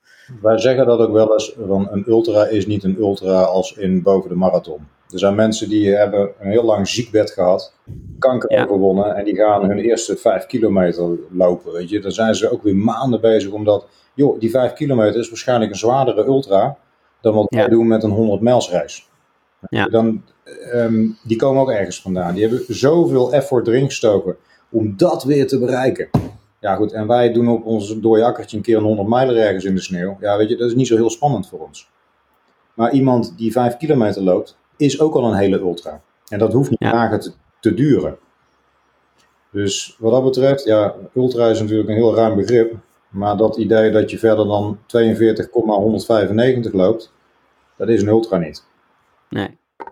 Nee. Alleen Eigenlijk gewoon ver- verder gaan dan dat je tot nu toe gegaan bent. En ultra Ja. is, is Ja. naar onze mening een beetje een ding. Dat je op een gegeven moment zegt, ja, we gaan weer een grensje, een stapje verder. We hebben weer een deurtje geopend naar het volgende level. Ja, Ja. Een computerspelletje. Oh, we hebben weer een manier om weer verder te komen. Oh, heb je misschien ander materiaal voor nodig? Of een andere manier van trainen? Of een andere mindset? En op een gegeven moment, ja, dan ga je toch dingen ontdekken. Dat je eigenlijk, ja, er zijn niet echt grenzen. Maar je moet wel er continu mee bezig zijn. En dat echte ultralopen, dat is ook niet iets van, ehm, joh, ik doe het er een beetje bij. Als je, echt, Nee. je, moet, je moet trainen. Je moet echt wel wat doen. Dus ja, goed. En hoe vaak? Ik, ik train in principe niet veel meer dan vier keer in de week. Rust is ook heel belangrijk. Hè? Eh, heel veel mensen onderschatten dat. Al dat dwangmatige gedoe dat je elke dag moet trainen, dat is bullshit. Als je Wat is rust voor jou? Eh, is, is rust, ru- rust rust of eh, niet lopen, ik soms niet lopen? op de bank Ja. liggen. Als je op een gegeven moment het idee hebt dat je eigenlijk geen zin hebt om naar buiten te stappen, dan is dat ook een signaal vanuit je lijf dat zegt van joh, Je moet even rustig doen. Ga even gewoon een keer op de bank zitten. Morgen gaan we weer lopen. Dan gaan we lekker 20 kilometer doen. Ja. En, op een gegeven moment, en als je dan weer naar buiten stapt, op een gegeven moment breek je je lichaam ook gewoon af. Dus eh, als je marathons loopt, en dat is allemaal prima, dan moet je wat meer op snelheid trainen. Dan moet je elke dag misschien in ieder geval iets doen om die snelheid erin te houden. Maar ga je ultras lopen die echt verder zijn, dan moet je die, dat dwangmatige elke dag gebeuren, moet je loslaten. Je moet eh, vier, vijf keer in de week is zat. En die vijfde keer is misschien alleen maar een 10 kilometer. Maar in de weekenden moet je wel inderdaad 25, 30 kilometer lopen. En ja, ik loop door de week ook gewoon eh, stukken van 20 kilometer. Ik loop niks onder de ja, 15, 16 kilometer normaal gezien, ook door de week niet. Scheelt wel. Jij, jij gaat de, de, double digit eh, uitdaging ga jij niet doen dus. eh. Ja, af en toe dan registreer ik er eentje, maar ik ben niet zo dwangmatig dat je- al die vakjes moet afvinken nu. nee, nee, nee. Die eerste Eh, die heb ik trouwens ja. al helemaal afgevinkt in een maand. Dat ik Ja, wel ja, leuk. ja, ja, ook samen, samen afgesloten ook. Ja, die hebben we wel even afgetikt. En wat, je, wat eh, Joris eh, 77 graag wil weten, en ik, ik verleng die vraag nog een klein beetje, maar hebben jullie eigenlijk een, een favoriet gespreksonderwerp tijdens het lopen? Of gaat het altijd over het lopen? Nou, dat, Het gaat wel vaak over het lopen, hè? Ja, maar het dwaalt een beetje af. Het is ook wat er op dat moment, denk ik, een, ja, Ja, ondertussen ken je elkaar natuurlijk ook eh, door en door eh, privé. Dus het gaat ook al eens over werk, eh, of o- over onze vrouwen, of, dat soort dingen. Ja. Niks dan goeds hè, over onze vrouwen. Nee, dat, dat- dat- ze, luisteren, ze luisteren wellicht, dus Ja, dat zou ik zeker ook zeggen. Ja, ja, waar gaat het over? Het is, het is zo van, eh, op een gegeven Vaak moment wil over, je vaak ook, over het lopen wel, hè? ja, maar Ja, je wil op een gegeven moment ja. geen lange eh, gesprekken meer voeren, tenminste onderwerpen, waar je heel lang over bezig bent. Het zijn vaak van die vluchten, even wat kortere dingetjes. Naarmate je verder in de race bent, ga je niet meer hele langdradige Nee, verhalen dan- hebben. Dan is het korte dingetjes. Want je kop moet er ook bij blijven. Nee, oké, maar als Ja. we 50 kilometer lopen, dan zijn we het grootste gedeelte eh, van die Ja. 50 kilometer aan het ouwe hoeren. Maar als het langer wordt, Ja. dan, eh, dan houdt het gewoon op een gegeven moment op. Dat is heel filosofisch. Dan gaat het nergens meer over. Weet je wel, dan, dan ga ik ook gewoon achter hem lopen, want dan, gaat, dan, dan blijft hij maar lullen. Nee, dat is niet waar. Je loopt sowieso altijd achter me. Oh ja, dat is ook zo. Oh ja, nee. Shit. Meestal wel, ja. Nou, Ja. ik vind het altijd lekker om voorop te lopen. En dat is niet om, eh, omdat ik harder loop. We lopen hetzelfde tempo. Maar dat is meer omdat ik het fijn vind dat er niemand voor me zit. Dat ik wat verder vooruit kan kijken. en als, je hebt Ja. iets kleiner. oh ja, dat scheelt ook, ja. Ja, jij kijkt er overheen natuurlijk. Nou ja, dat is. Jij bent iets kleiner, dus daarom loop je Ja. vooraan. Ja. Ja. Ja, en als Marek voorop loopt, dan loop ik altijd op zijn hielen te trappen. Ja. Dat, eh, dat heb je dan weer. Maar ja, dat, ehm, dat heb je dan eenmaal. Wij, eh, wij, wij hebben naast eh, eh, gewoon praten ook rubrieken. We hebben er al eentje afgevinkt, de favoriete loopgadget. Ehm, maar we hebben ook de rubriek lees, luister of kijktips. Zijn er dingen waarvan jullie zeggen, iets wat je recent geluisterd hebt, al dan niet tijdens het lopen, of, of gelezen of gezien hebt? En dat mag, ook, dat mag ook over iets heel anders gaan dan lopen, maar het zou op zich wel heel gek zijn. Maar eh, eh, tips waar je zegt, lees, kijk of luister dat. Oeh. Mag ook gewoon je eigen website zijn. Of die paklijst die je net noemde. En dan kunnen we die ook noemen in de, in de show notes. Je zegt daar Ja. iets heel. Wij krijgen natuurlijk best wel wat vragen over ons heen. Over joh, wat, wat, hoe, hoe train je? Welke materialen gebruik je? Wat is je Ja, hoe, hoe moeten we dingen doen? Zeker als het ook aan- aankomt op navigatie eh, bijvoorbeeld. En eigenlijk als mensen twee, drie keer dezelfde vragen, tenminste van verschillende mensen, dat we twee, drie keer dezelfde vragen krijgen, dan hangen we er altijd wel ergens een verhaaltje aan op. Of, of in een verslagje, of onder die, eh, die knowledge base eh kop bij ons op de site. ja, En daar staat altijd best wel wat handige informatie. En dat is. Ik heb wel het idee dat mensen daar best wel wat informatie vandaan halen. Over hoe ze dingen moeten oppakken. Raceverslagen, die bundelen we vaak. ja, Ehm, het is toch. ehm, ik denk dat daar heel veel op staat. Waar je heel veel informatie uit kunt halen. ik heb er stiekem wel eens een GPX'je van afgetrokken zelfs. Ja, dat staan er een stuk of 600 op. Ja, ja, ja, best wel wat, ja. Daar heb ik ook wel bij gezet. Er zijn natuurlijk wel wat voor's en tegenstanders van om zomaar GPX-bestanden te gaan delen. Want dat moet ik ook wel erbij zetten. Een wedstrijd die georganiseerd wordt, maakt niet uit welke het is, die gaat vaak over privédomeinen en daar moet Ja. toelating Ja. gegeven worden. Ja, of een weiland. eh, Ik heb ja, er lang over nagedacht. ja. Die, die hele database aan GPX eens een keer erop moet gooien. En op een gegeven moment heb ik gezegd, ja, waarom ook niet? Maar laat ik er dan wel bij zetten dat het eigenlijk is om, ehm, gewoon als je ergens iets wil gaan lopen, dat je kunt zeggen, joh, ik pak een race of een, een route. Die is bijvoorbeeld 50 kilometer en ik wil bijvoorbeeld 30 kilometer gaan lopen. ik maak er zelf wat van. En dan ga je hem zelf gewoon losknippen en dan ga je gewoon Ja. wat ervan maken. Maar je moet op een gegeven moment wel het respect altijd hebben voor eh, de domeinen waar je doorheen gaat. En je kunt niet zomaar gaan banjeren door iemand zijn achtertuin. Dus op een gegeven moment, en dat staat er ook bij op de site van joh, ehm, er zijn voor's en tegenstanders van GPX-bestanden delen zomaar. Maar uiteindelijk, als je ergens gaat zoeken op eh, afstand meten, op Strava of weet ik veel wat voor sites, de GPX-bestanden die vind je toch wel. Het is allemaal openbaar. Dus waarom zou je niet gewoon gebundeld ergens op een site gooien?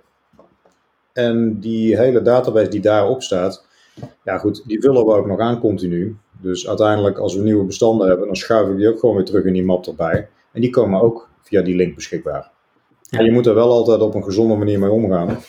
En respect hebben voor waar je doorheen gaat. Want uiteindelijk, Ja. ja goed, ik heb ook wedstrijden meegemaakt. eh, met die Celeste Club bijvoorbeeld een keer, die heb jij toen niet meegelopen. Nee. Dat is een 120 kilometer race. Ja, daar kom je gewoon door gebieden, door, door de achtertuin van mensen. Maar die mensen staan ook gewoon daar een soepje te koken voor jou.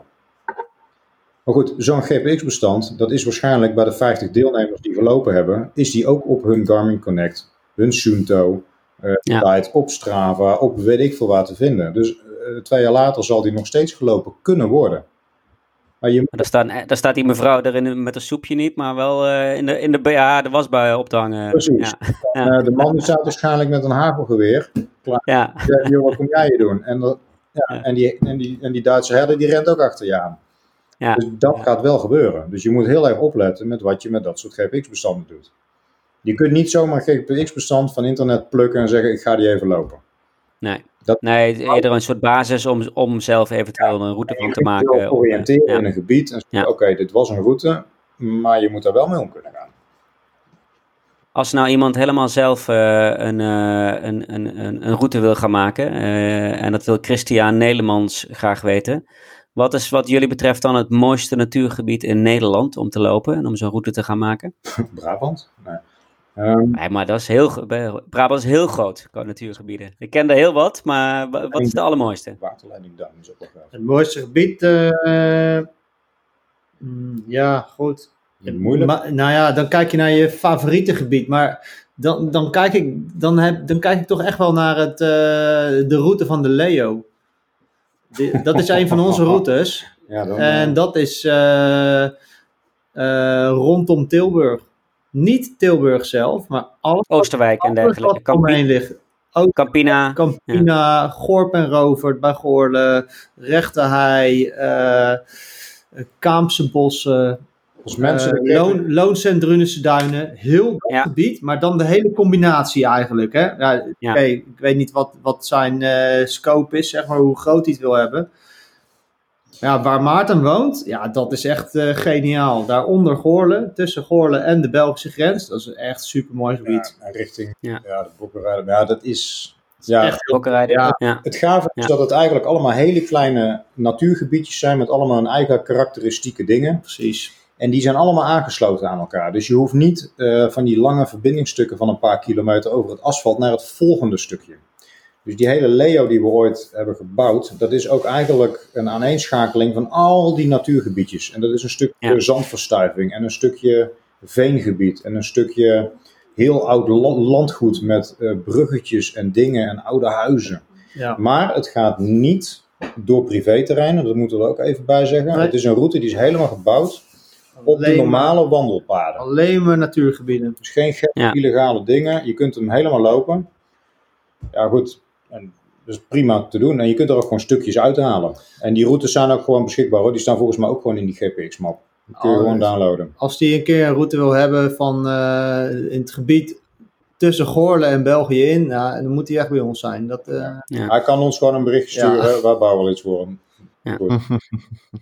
En anders moet hij maar met de 14 vennen route in eh, Oosterwijk beginnen, toch? dat is, eh, dit- ja. Dat, is, dat is dus één van de gebiedjes waar je erin komt. ja, Ja. Mooi. Tim, ben jij er nog? Ik ben er nog. een beetje in slaap gevallen. Met Hoe gaat het met je? Eh, Dat, eh, ja. ik zat nog even door de vragen heen te kijken, maar we, zo, we zijn al ruim een uur verder en Ja, we hebben al daarom, eh, wat eh behandeld. meestal ben jij de man van de tijd, dus dan, daarom vraag ik even, ga, ben, je er nog? Zeker, ja. ja, Ja, je kunt ook wel ertussenuit gaan. Dan gaan wij gewoon verder. Maakt niet uit. ja. Kun jij naar bed met je corona? Ja, wat, wat, eh, qua slapen, wat we zeker nog even, nou, misschien moeten we hem even in de show notes zetten, Tim. Maar ehm, van de week eh, deelde een van jullie twee, volgens mij was het Marek, op eh, Instagram. Ja, ehm, eh, Ja. Of Maarten, ja, het was de vraag van wat is eigenlijk je slaapstrategie bij de, bij, de Leg- bij de Legends Trail? En toen deelde jij tien foto's waar je echt op tien totaal verschillende manieren lag te slapen. Gewoon midden in de sneeuw of hangend in een boom. Of, maar echt de hilarisch. Ja, je, Ja. je kunt natuurlijk, je hebt, je, je hebt checkpoints en eh, daar kun je slapen. En maakt niet uit welke Ja. race. De een kun je wel binnen slapen, de ander niet. En ehm, het is goed om af en toe even een uur te slapen, maar je kunt niet altijd over zomaar, zomaar even gaan liggen. En als je inderdaad tussen de checkpoints in, ik noem maar iets, 5, 6, 7 of 8 uur of nog langer be- bezig bent, op een gegeven moment krijg je een dip en op een gegeven moment je gaat slaapwandelen, je kunt niet meer navigeren, je focus is weg, je gaat struikelen. Dan moet je je ogen dicht doen. En dat hoeft niet Ja. langer te zijn dan, dan twee minuten. Want op het moment dat je je ogen dicht doet, je hersens die zeggen gewoon slapen, boom, je bent weg. En je schrikt wakker van de kou en je staat op en je gaat gewoon weer verder. Ja. En dat is inderdaad een serietje foto's waar Mark op een gegeven moment ook met zijn benen op een taluutje eigenlijk op een hellinkje naar boven ligt, dat het bloed naar beneden Ja. stroomt en Ja. oh, lekker zachte sneeuw, je ploft gewoon neer en je hebt toch je regenkleding aan, dus je wordt toch niet nat. Je, het is, je bent al dagen buiten, je bent gewend aan de kou. Maar dat is, die powernapjes, die resetten je, je kop, dat je weer net even weer terug die focus hebt. eh, netwerk van een uurtje door kan. Ja, en dan heb je Ja. naar het volgende. Het zijn steeds van die trajectjes. Dus ja, wat is slaapstrategie? Ja, er komt wel een moment dat je op een gegeven moment misschien toch wel even anderhalf uur je ogen dicht wil doen. Dat, dat moeten we wel zeggen. Dat, dat ga je Ja. wel hebben. Ja. Maar met powernapjes kun je het best wel een paar dagen eh, doorhalen. Dat- Ja. Het is, het, is eh, de, het, het liefste zou eh, mijn strategie zijn inderdaad om eh, anderhalf of eh, drie uur te, te slapen. Dan heb je, je moet daar ongeveer uitgaan eh, tussen de uur en anderhalf uur is een, is een, eh, een slaapcyclus. Dus dan zit je goed. Als je een slaap, slaapcyclus gehad hebt, dan, eh, dan kan je echt wel weer even door. Eigenlijk was een volledige nacht is dat. Zo Eh. Ja, normaal, een normale nacht heb je er een stuk of vier. En als je er één kan pakken, nou ja, helemaal top. Uh, of uh, twee cyclus, uh, cycli, dan ook top. Maar ja, met, met bijvoorbeeld een Legends Trail, dan lukt dat vaak niet, omdat je niet genoeg tijd hebt. Je hebt niet genoeg pauze. Nee. Dus dan, dan komt het neer op ja, power, powernapjes. Boomstammen, ja. waar je lekker zo tussen kunt liggen. En je kan niet anders op een gegeven moment dan te gaan zitten. En oefen je dat ook van tevoren? Nee. Dat, nee ja, nee? ja dat, dat is wat ik eerder zei. Dat is, uh, Want je moet zo moe zijn om dat ook te kunnen, waarschijnlijk. Ja. ja zo snel en zo kort. Je, dat wil je eigenlijk niet oefenen. Het is zo oncomfortabel. Ja. Dat, is niet, uh, dat wil je echt niet oefenen. Toch en, vind ik het best comfortabel nee, dan. Ja. En die sneeuw. Ja. Oh, even ja.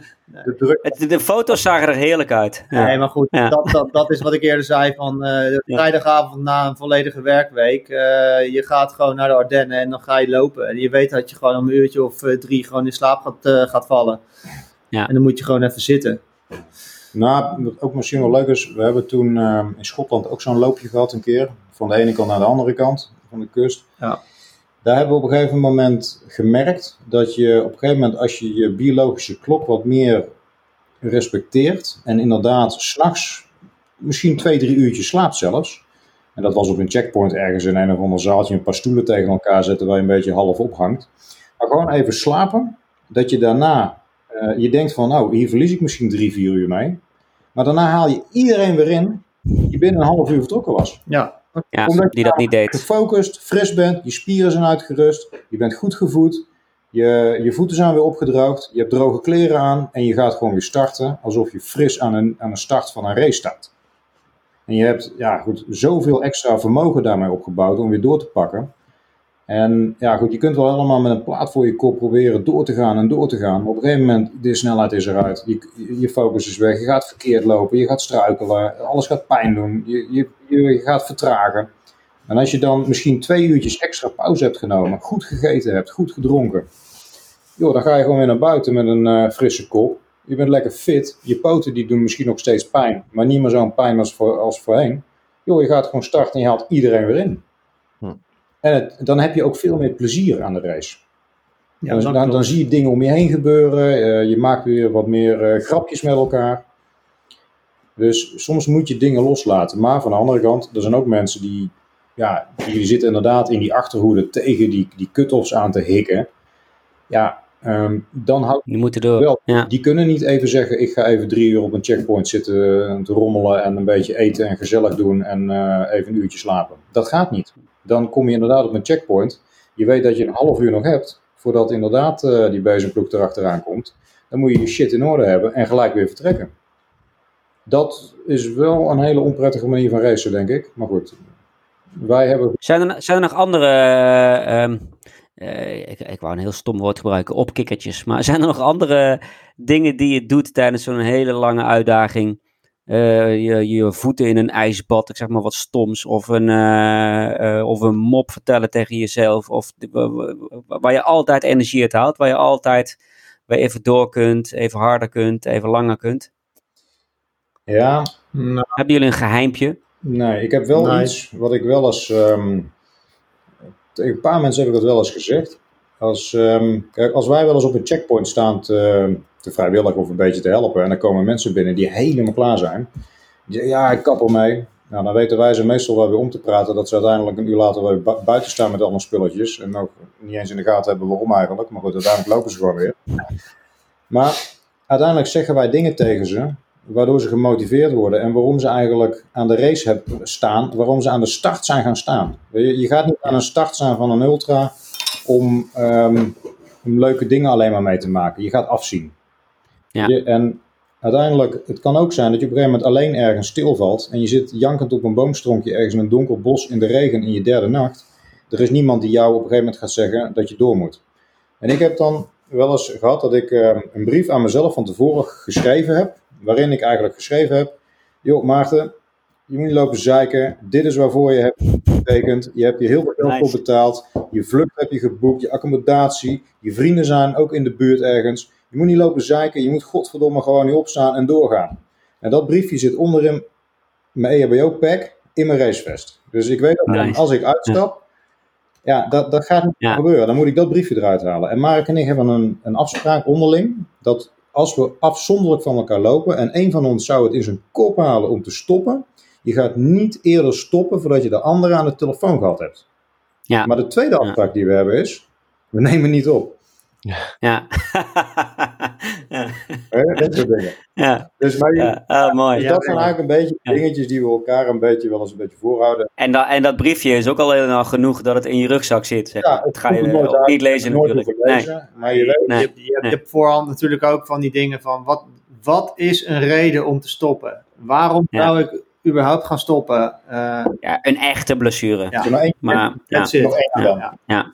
Ja. En, en, en ehm, we hebben ook allebei al gehad van eh, als je het moeilijk hebt en je wil, je wil eigenlijk even klagen, dan moeten we niet bij elkaar zijn. Hè? Want dat heeft geen nut. Van ja, als jij pijn in je voet hebt vanwege, omdat je een blaartje hebt, of, of je hebt een hele grote blaar, ga nou niet, ga, hoef, je, hoef je bij mij niet aan te komen. Maar bij wie je wel kan aankomen, cheers. Cheers. Ja. Eh, man. dat is dus eventueel dus bij je vrouw. En eh, ik, heb, eh, ik heb ook al wel in lange races, eh, meestal dat ik dan wel een keertje mijn vrouw bel. En eh, nou, dan doe ik zo'n kleine poging om een heel klein beetje te klagen. Maar dat, Ja. Dan, dan krijg ik een keihard terug van, ja maar eh, hier doe je het toch voor? Dit wil je Ja. toch? Eh, Had je beter niet kunnen gaan. ja, dus dat- voordat ik wil, door wil gaan met klagen, dan, eh, dan, dan, dan ben ik al klaar, weet je wel. Dus ik, oh ja, dit, dit, dit wil ik. Dat, daarom ben ik hier. Oh ja, dus, Ja. nou ja, dat, dat soort dingen.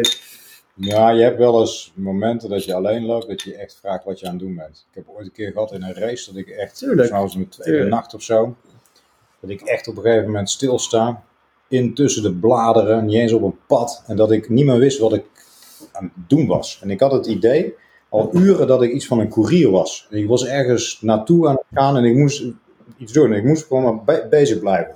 Op een gegeven moment is het gewoon even stoppen, focus. Ik heb mijn handheld. Oh ja, ik ben in een race. Een lijn volgen en weer door. Je, op een gegeven moment, je dwaalt gewoon af. En ja, dat zijn toch... ehm, ja, en dan kun je niet meer zomaar even iemand gaan bellen s'nachts. Nee, niet altijd. Dat, dat gaat niet. Je, je kunt niet om drie uur s'nachts mensen gaan bellen. En, en, en, en diegene die je misschien wel kunt bellen, die neemt niet op. Nee, precies, dat is de afspraak. Dat is heel erg. Ja. Dus moet het doorgaan. Ja.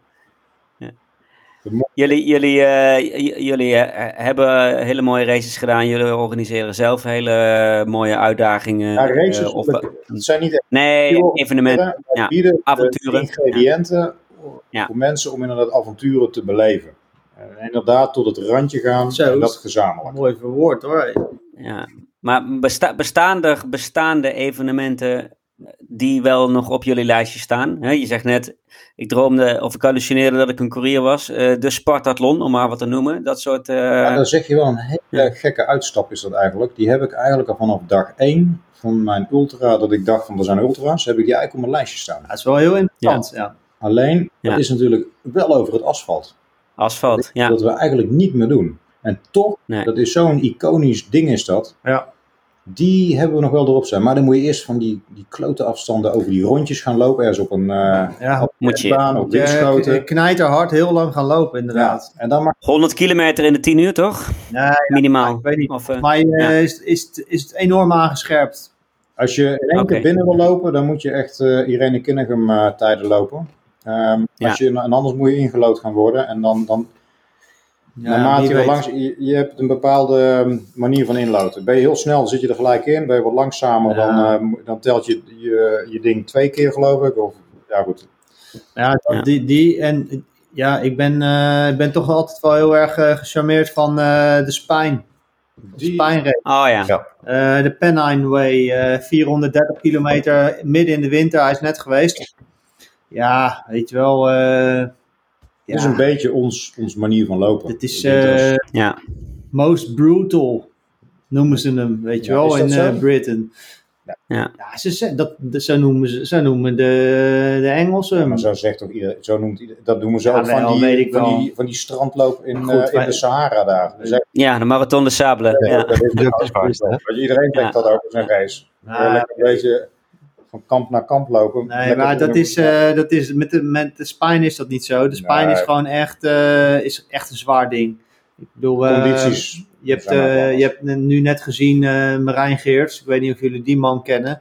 Dat is Ja. echt wel eh, een gerenommeerde loper. eh is een tikje sneller dan wij. En eh, die kan afzien eh, tot de max. Je hebt naar Karel Sabbe dat dingetje ook gelopen. serieus die, die zwaar 500 gehad. kilometer in die backyard. Dat was al vorig jaar, Ja. ja. jaar daarvoor. Ja. Ja, Backyard Ultra. Ja, Heeft Karel al Ja. moeilijk gemaakt in de backyard ultra. Nou, Toen dan eh, Ja. ben je wel een mannetje hoor.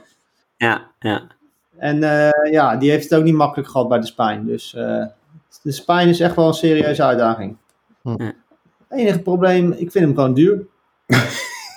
ja. Ja, ja, dan betaal je Ja. dikke duizend pond. Ja, het is gewoon 1000 pond. Ja, dat vind ik, Om mee te mogen doen, ja, überhaupt. ja, dat vind ik Ja. eh, een duur geintje. En dan, eh, dan heb je nog Ja. eh, wat materiaal nodig. Je moet erheen, et cetera. Dus eh 2.500 euro gaat het kosten. Ja. Ja. Dus eh, sponsor eh, zoeken we. Ja.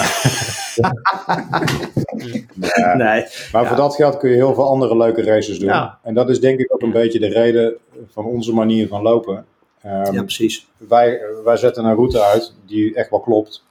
En dan ga je er ook aan beginnen. En dan heb je ook hele gave uitdagingen en eh, ja, avonturen die je beleeft en herinneringen die je maakt. En die kosten niks. Nee. Kijk, het, het avontuur Ja, 30 euro, hè? 30 euro. die je in een veel Ja. kunt krijgen als je ze half uur doet. Ja, Nog zo vaak je nooit wil, hè? Ja, mislukt Ja. doe je volgende week nog een keer. Dat is het hele Ja. ding ook. Weet je? Dus uiteindelijk, het boeit niet. En dat is natuurlijk wat wij ook een beetje hebben. Van ja, moet je 2, 2.500 euro gaan betalen voor een race? Als je eigenlijk dezelfde ervaringen kunt beleven. Ja. Met een paar mensen zelf. En ook gave dingen kunt doen. En ja, goed, weet je, je huurt ergens naar. ja voor, die, voor die finishboog hoef je het niet te doen. Maar het hoeven niet Nee. daar te zijn. We, vorig jaar Nee. zijn we ergens met een klein groepje gaan lopen. Ergens een accommodatietje geregeld. Joh, s'morgens vroeg vertrekken rond een uur of zes. En s'avonds zorgen dat je op tijd weer terug bent. Lekker eh, wat eten, biertje drinken. En de volgende dag ga je gewoon lekker naar huis. Ja. Daar hoef je niet voor in te schrijven bij een race. Maar van de andere kant is het ook leuk om ehm, bij een race aan de start te staan. Je startnummer, je krijgt een medaille op het einde. Ehm, je komt in finishlijsten. Ehm, je ziet weer nieuwe mensen natuurlijk. Als je altijd met dezelfde kleine groepje gaat, dan ontmoet je niet zoveel andere men- mensen. En als je aan de start staat en er staat een keer 400 man aan de start, dat is waar we het een uurtje geleden over hadden, dan heb je die gelegenheidsmensen waar je een keer mee aanhaakt en zegt van, hé, hey, dat is een leuk persoon. We spreken een beetje dezelfde taal, dezelfde humor. Joh, we gaan volgend jaar eh, een ander dingetje doen. Of over drie maanden is er een andere race. Dus uiteindelijk als je mensen wil leren kennen, een beetje in die wereld, moet je af en toe ook wedstrijdjes lopen. Dat is natuurlijk ook, als je altijd met een man of vijf, zes dezelfde dingen gaat doen, is hartstikke gaaf. Maar je moet af en toe ook een beetje je horizon ver- verbreden, vind ik, op dat soort eh, vlakken. Dus uiteindelijk, die races moet je ook gewoon blijven doen. Maar om Ja, en ik denk aan de andere kant hebben de afgelopen jaren door corona, maar ook weet je wel, door de dingen die, die jullie eh, hebben gedaan, eh, maar ook allerlei andere wilde evenementen, eigen uitdagingen en zo, hebben denk ik wel ook veel mensen de ogen geopend van je hoeft dus niet per se dat startnummer op te spelden. En, eh, Precies. Hè? Dus je kunt inderdaad eh, zelf ook dingen doen, maar je moet het wel durven. Ja. Eh, als Ja. Paul Bremmers op dit moment in Lust 2 bezig is, Ja. ik weet ongeveer wat hij nu aan het doormaken is. Ja, ik ook. Ik heb het vorige week Ja. gedaan. In je eentje. ja, Het is, het is heel gaaf. ja. En, ehm, Oh, hij loopt nu in zijn eentje, die eerste van die, van die slam van ja, dit jaar. en dan in Ja. 2 zit hij Ja. nu. Van, Ja, Nou, die is vanmorgen om 8 uur begonnen. En ehm, die komt morgen vroeg eh, binnen bij de Barak Michel. ja. En dan, moet, en dan moet hij nog een lus. En daar heeft hij zijn campertje staan, dan kan hij zelf zijn eten maken. Maar het bakkertje is open hè, bij de Barak Michel Ja. vanaf 7 uur, dat dan weer wel. Dat is waar. Lekker warme croissantjes, terug in je campertje. Jullie hebben dit ook wel eens alleen gedaan. Ben je wel eens bang? bang voor. Ja, dat is de tweede vraag. Maar Nou, ben je bang voor eh, de wolf, de hond, de boswachter, de, je maag, je lijf dat ermee stopt, eh, de nacht, nee. je gedachtes? Ja, ik, ik, ik, kan, ik ben alleen dus helemaal niet goed, hè? Nee. Ik, nee. Ik, ik, bij mij is het, eh, het maximale wat ik echt in mijn, in mijn uppie gelopen heb, is eh 70 kilometer. En eh, langere afstanden niet. Daar heb ik altijd gelopen. Of het was een race, of, eh, of een soort, Met iemand soort Ja. georganiseerde race. Ja. Nou, ik vind het op zich wel lekker. Het, het klinkt misschien een beetje egoïstisch, maar het is ook, je hoeft geen rekening te houden met anderen. Je doet je eigen ding. Ik heb twee, drie weken terug, heb ik toevallig uh, dat dingetje helemaal alleen gelopen, die 160 in de Hoge Ik vond, het, ik vond het heerlijk. Weet je, je hoeft niet achterom te kijken. Uh, het is gewoon je ding doen. Wil je even rusten, dan doe je dat. Uh, kom je bij je auto terug naar loop 1, dan ga je gewoon zitten en wil je een half uurtje zitten of anderhalf uur. Er is niemand die zenuwachtig loopt te doen van joh, we moeten weer gaan, we moeten weer gaan. Nee, je doet je ding en als je denkt dat je klaar bent, dan ga je gewoon weer verder. En, ja, en bang. Ja goed, ik denk als je weet waar je mee bezig bent en als je weet hoe je moet anticiperen op situaties, dan is het oké.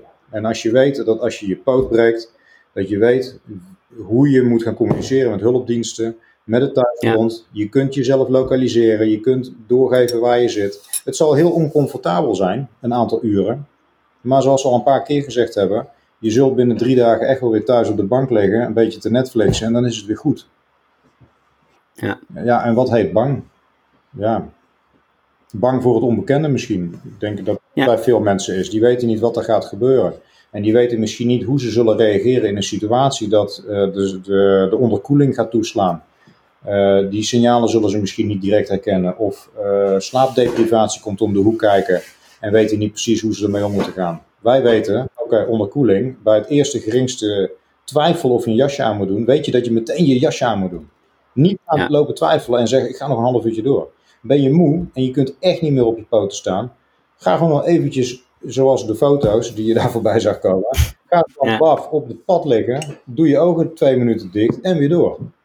Dus dat is ook de ervaring die je misschien hebt op een gegeven moment, dat je kunt zeggen van ja, ik, ik weet dat we iets, we gaan, gaan gekke dingen gebeuren, maar we kunnen het handelen. En dat is denk ik de ervaring die je op een gegeven moment op moet doen als, als loper, als avonturier noem ik het maar. Ja goed, en dat, dat moet je gewoon ontwikkelen. Dat kun je ook niet trainen met trainingsloopjes. Je moet dat gewoon ondergaan in races en je moet jezelf af en toe pushen over die grenzen. En op een gegeven moment kom je er wel achter dat die grenzen er eigenlijk helemaal niet meer zijn.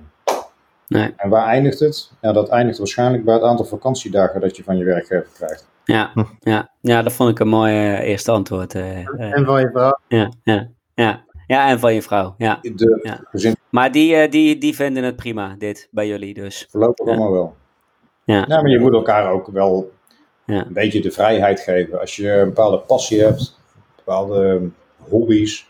Het moet natuurlijk wel kloppen, maar je moet elkaar wel los kunnen laten. En als je inderdaad uh, daar krampachtig uh, situaties in hebt, ja, ik weet niet of dat de juiste basis is voor een relatie. Als je elkaar op dat soort vlakken vrij kunt laten. Daar, daar gaan we het niet over hebben.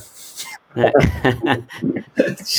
Schiet me trouwens ineens een, eh, een, een, een kijktip te binnen. Heeft niets met lopen te maken, maar was uh, afgelopen maandag op het Uur van de Wolf. Tot de laatste snik heette dat. Waar volgens een aantal muzikanten die om allerlei redenen, uh, uiteenlopende redenen, met de laatste optredens bezig zijn. En een daarvan was Jan Rot. En uh, die, die, die is natuurlijk uh, terminaal, maar die treedt nog steeds op. En zijn vrouw had ook tegen hem gezegd: ga in godsnaam optreden, want anders ben je een vreselijke man. En als je stopt met optreden, ben je waarschijnlijk binnen twee weken dood. Dus uh, die gaan we even, even, even opnemen in de, in de show notes.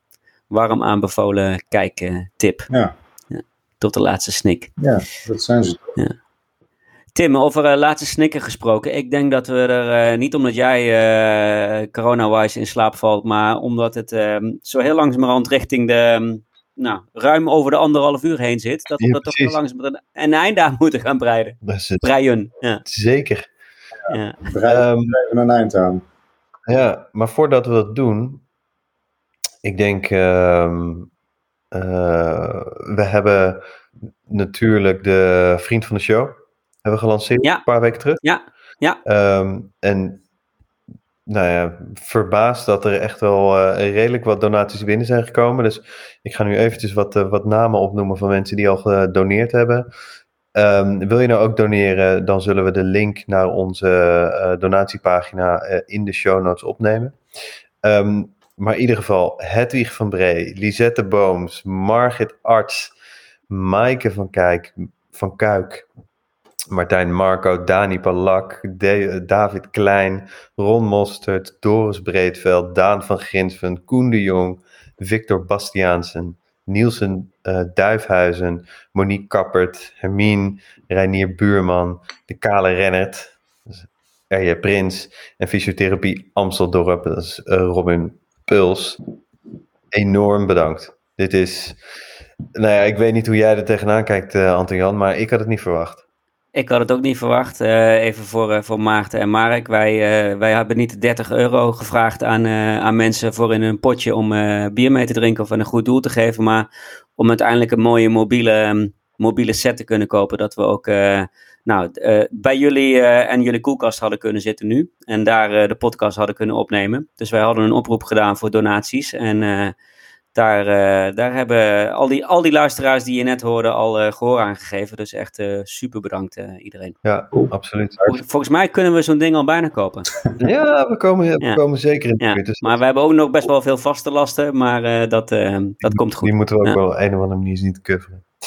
Um, en dan rest mij eigenlijk alleen nog maar om te zeggen dat je ons, uh, dat je loopraad kan vinden op... Uh... Nee, nee, nee, nee, nee, nee, Tim, Tim, Tim, nee? je vergeet, je vergeet echt het allerbelangrijkste. Ja, de, de, de, de loop je niet kapotkast tip van Maarten en, uh, en Uiteraard, ja. Ja, die, die, we kunnen niet afsluiten zonder een uh, loop je niet kapotkast tip van, uh, ja. van beiden. Like. Maarten, Marek, als jij onze luisteraars één tip zou moeten geven die ervoor zorgt dat zij zichzelf niet kapot lopen, uh, dat ze plezier houden in het lopen, wat zou, wat zou dat zijn? Zie het als mooie avonturen beleven en niet als, um, ja, weet je... Trainingsschema. Trainingsschema's, ja. ja. ja. Dat, ik denk dat je moet het, het, het avontuur erin zien, een beetje het genieten onderweg. Soms is, ik zeg wel eens, ga af en toe eens een keer stilstaan als je ergens in zo'n natuurgebied staat. Want je, je hebt vaak, uh, je, loopt, je loopt en je rent en je doet en je bent alleen maar gefocust op vooruitgaan. Stop eens een keer. En luister eens wat er om je heen gebeurt. Als het regent. Weet je, die, die druppels die over, over die bladeren vallen. Yo, dat we een keer s'nachts daar moe waren. Dat we ons dekentje neerleggen en gaan liggen en gaan luisteren. Dat, dat je in één keer hoort dat er ook dieren om je heen lopen in een bos. Geniet op een gegeven moment en af en toe moet je even een pauze nemen. Je kunt wel door blijven douwen en douwen en douwen. Ja. Maar, of dat je in de Ardennen loopt en stop. dat je niks hoort. Dat het zuist in je oren. Er zijn van de stilte. Van de stilte. Plekken in de Ardennen, daar hoor je niks. Ja, en Ze zijn daar echt. En dat, dat is, dat is gaaf. Dan, dan, de kelders zijn ook allemaal geluidsdicht daar, toch? De kelders zijn daar geluid. Ja. Dat is wel een gevoelig onderwerp in België. Ja. Zeker in Wallonië. Ja. Onze Belgische vrienden die dit weer horen. Ja, sorry jongens. Sorry, sorry. Ja. Oh, heerlijk. Ja, ja. deze gaat die dingen. Ik vind het een hele mooie, een hele mooie tip. Heb jij, heb jij nog een andere, Marek, of sluit je je hier uh, volledig bij aan? Nee, ik sluit me erbij aan. Ja, absoluut. En drink ook af en toe een biertje. Het is, uh, ja, dat wij doen dat wel. Ja. Nou, je ja. ziet wel eens in die trailwereld, het is zo gemoedelijk dat er ook in races wel eens wat gedronken wordt onderweg. Wij doen dat, moet ik eerlijk zeggen, niet in wedstrijden. Nee. Dat hebben we echt nog nooit gedaan. Uh, van tevoren doen we dat natuurlijk wel. maar um, wij vinden ook, als je zo'n zo'n race aangaat, je, je gaat daar toch op een serieuze manier in. Uh, je wil in de start staan, je wil die finish ook halen. En je wil niet achteraf het idee hebben van, nou, het had er misschien aan gelegen als we misschien niet dat biertje onderweg hadden gedronken. Weet je, dat, dat wil je niet. Maar gaan wij gezellig samen een stukje lopen, 50 kilometer, en we komen ergens halverwege een leuk cafeetje in de bossen ergens tegen, en een leuk terrasje en het is zomer, ja, dan gaan we daar gewoon zitten, gaan we ook gewoon een biertje drinken. En dan is die eerste opstart, die eerste twee kilometer misschien wat stug en zo en stroef, maar daarna loopt het wel weer. Je, dat is ook een beetje het ding. ja. Ja, leuke dingen. Tim, ga je in bed leggen, jongen. Ja, ja hij ziet er echt heel goed uit. Hij valt echt om. Hij zit ook ja. Ik ben, uh, ik ben uh, aan het luisteren vol, uh, vol ja. bewondering. Dus ik, ja. ik kan me in die zin niet voorstellen dat je bijvoorbeeld vijf dagen onderweg bent. Of zes dagen onderweg bent. En dat je... ja, ja, maar, maar Tim, toen, jij begon met, toen, toen, jij begon met lopen en toen jij als uh, couch potato van de bank naar de voordeur ging, kon jij ook niet voorstellen dat jij, uh, dat jij een, uh, een ultra op de Mont Blanc liep, toch? Nee, de- de- Nee, natuurlijk, maar dat staat in het niets ten opzichte van waar we het hier over hebben. En, ehm, eh, en daarnaast vind ik ook het eh, enorm waardevolle eh, informatie die, die jullie delen. Ik denk dat een, een hele hoop luisteraars is het, nou ja, eh, voor 99,9% is dit voor onze luisteraars waarschijnlijk ver van je bedshow. Maar er zitten echt heel veel dingen in die super bruik eh, gewoon naar je eigen Ja. situatie vertalen, eh, toch? Of je nou Ja. over 300 kilometer hebt of over 20 kilometer. Ik denk dat heel veel dingen Ja. die wij eh, doen en hoe we het doen, eh, de mindset, Hoe je benadert. die is hetzelfde. Wij zijn ook begonnen met 5 kilometer. Weet je, we hebben ook niet Ja. in één keer die stap gemaakt naar 100 kilometer. precies. Ja. En, en dat moet je ook niet vergeten. En het lijkt af en toe heel gaaf eh, wat we allemaal doen. Maar mensen kijken ook vaak altijd naar wat anderen meer en beter en sneller doen. Probeer eens een keer te kijken naar wat ehm, de mensen lopen die om jou heen lopen. Je kunt altijd focussen op wat iemand beter doet. En dan word je alleen maar doodongelukkig. En dat is, dat is natuurlijk ook het ding. Probeer gewoon blij te zijn met wat je kunt, wat je loopt. Eh, ja, goed, het moet ook passen in je, in je, in je thuissituatie, je werk. Ehm, als jij een bouwvakker bent en je staat alleen maar met stenen te gooien heel de dag, van 's morgens vroeg tot 's avonds laat, dan snap ik dat je geen zin hebt om s'avonds nog een keer weer 25 kilometer te gaan lopen. Dan ben je blij dat je thuis zit en na het eten een keer op de bank zit, want een uur later dan val je waarschijnlijk in slaap. En de volgende dag moet je weer om 7 uur ergens op een bouwplaats staan. Maar er Ja. zijn ook mensen die zitten heel de dag een beetje achter een paar beeldschermen te kijken. Joh, die, die, die, die zoeken die fysieke afleiding. En die willen gewoon lekker even s'avonds eruit. Ja, dat zijn vaak wel de mensen die inderdaad eh, soms misschien wat verder door kunnen pakken. Omdat dat hun, hun uitlaatklep is. En sommige, bij sommige mensen werkt het zelfs als een therapeutisch iets. Die, die vinden het hardlopen, dat brengt bepaalde rust. Mhm. Ehm, ze denken misschien op een bepaalde manier na over dingen. Ze gaan dingen relativeren tijdens het lopen. Ehm, lopen is, ja, dat is heel verschillend voor iedereen. Het is, en daarom zeg ik ook altijd, het competitieve is vaak waar al die kortere afstandlopers vaak mee bezig zijn, van die marathonlopers op de weg. Maar ga je die langere afstanden lopen, dan ga je vaak over heel andere dingen nadenken met het hardlopen. Maar het moet passen in je omgeving en je moet doen wat bij je past. En zit je niet te veel te focussen op wat andere mensen doen. Ik bedoel, voor ons zijn er ook mensen die, die lopen nog veel verder, nog veel harder. Ehm we zitten ook wel eens te kijken naar zo'n Karel Sap en denken we, godverdomme, die gast die tikt daar eventjes eh, een paar duizend kilometer weg. Ik nooit die, Ja. Weet je nog dat wij daar jaren geleden zitten we een keer aan een tafeltje. Dat is de laatste anekdote, hè? Ja, de laatste. Ja, zitten- oh ja, sorry, nog eentje dan. Zitten we aan een tafeltje bij een of ander trainingsweekend. En dan zit daar een mannetje aan tafel, heel rustig, zegt niet veel. Hij zat En- naast ons. ja, hij zit naast ons. En op een gegeven moment kregen we in de gaten. Oh, dus die Karel Sabber, die had net die, wat had die, de Pacific Ja, Pacific Crest Trail. Ja. gedaan als eerste. Ja. Ja. En dan hadden we het erover van. Oh ja, dat was het trainingsweekend van de Legend Trail. Ja. Dan heb je het over 250 lullige kilometertjes. Hè? En dan zitten we daar en dan vragen we op een gegeven moment van ja, wat was nou een zwaar moment voor jou in, Ja. in die race? Ja, die eerste duizend kilometer daar door die woestijn, dat was best wel zwaar. Maar daarna ging het wel weer. En Ja. wij kijken elkaar aan en we zeggen, we zitten hier op een trainingsweekend voor 250 kutkilometertjes door de Belgische Ardennen. Ja. eigenlijk, En, eh, Leven is- Zo'n tanda- tandarts uit België. Die ja, die, die, die, Ja. die, die, die dat was wel pittig. Maar ja, daarna ging het wel. Ja. En ik heb, fuck, het is gewoon een mindset waar je... En dan denk je van, oké, ik, dacht dat wij, eh, ik dacht dat wij het wel begrepen met die 250 kilometer. En dan zit je naast zo'n gast. Ja, Ja, dan is weer een heel ander pers- eh, perspectief. dus er zijn altijd mensen die meer, harder, probeer blij te zijn met wat je doet. Ja, laat, laat het precies. geen obsessie worden in het lopen. Nee, precies. Ik denk dat dat, wat je nu zegt, laat het geen obsessie worden, dat dat enorm belangrijk is. Of je nou 300 kilometer loopt of voor je eerste halve marathon gaat, dat plezier, dat moet erin blijven. Ja. Absoluut. En dat is ook wel eens wat we om ons heen zien gebeuren met mensen. Laten we nog even dan een stap. Mensen die willen vaak van hun hobby hun werk maken.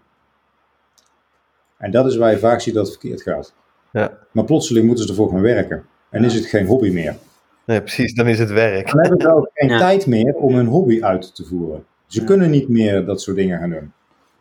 Ja, dat, is, dat is ook een ding. Eventueel, ja. Gewoon lekker, lekker lopen, avonturen beleven en herinneringen maken dat als je achter de geraniums zit, dat je nog steeds, Mooie foto's hebt. dat je nog steeds eh, Mooie slaapfoto's. die kunt opentrekken, verhalen kunt vertellen. Ja, met je kraakstem. Weet je nog? Weet je nog? Ja. Weet je nog dat we door die antennen liepen? Weet, weet je nog dat die laatste finisher van de Barkley, die Belg? Die vellig.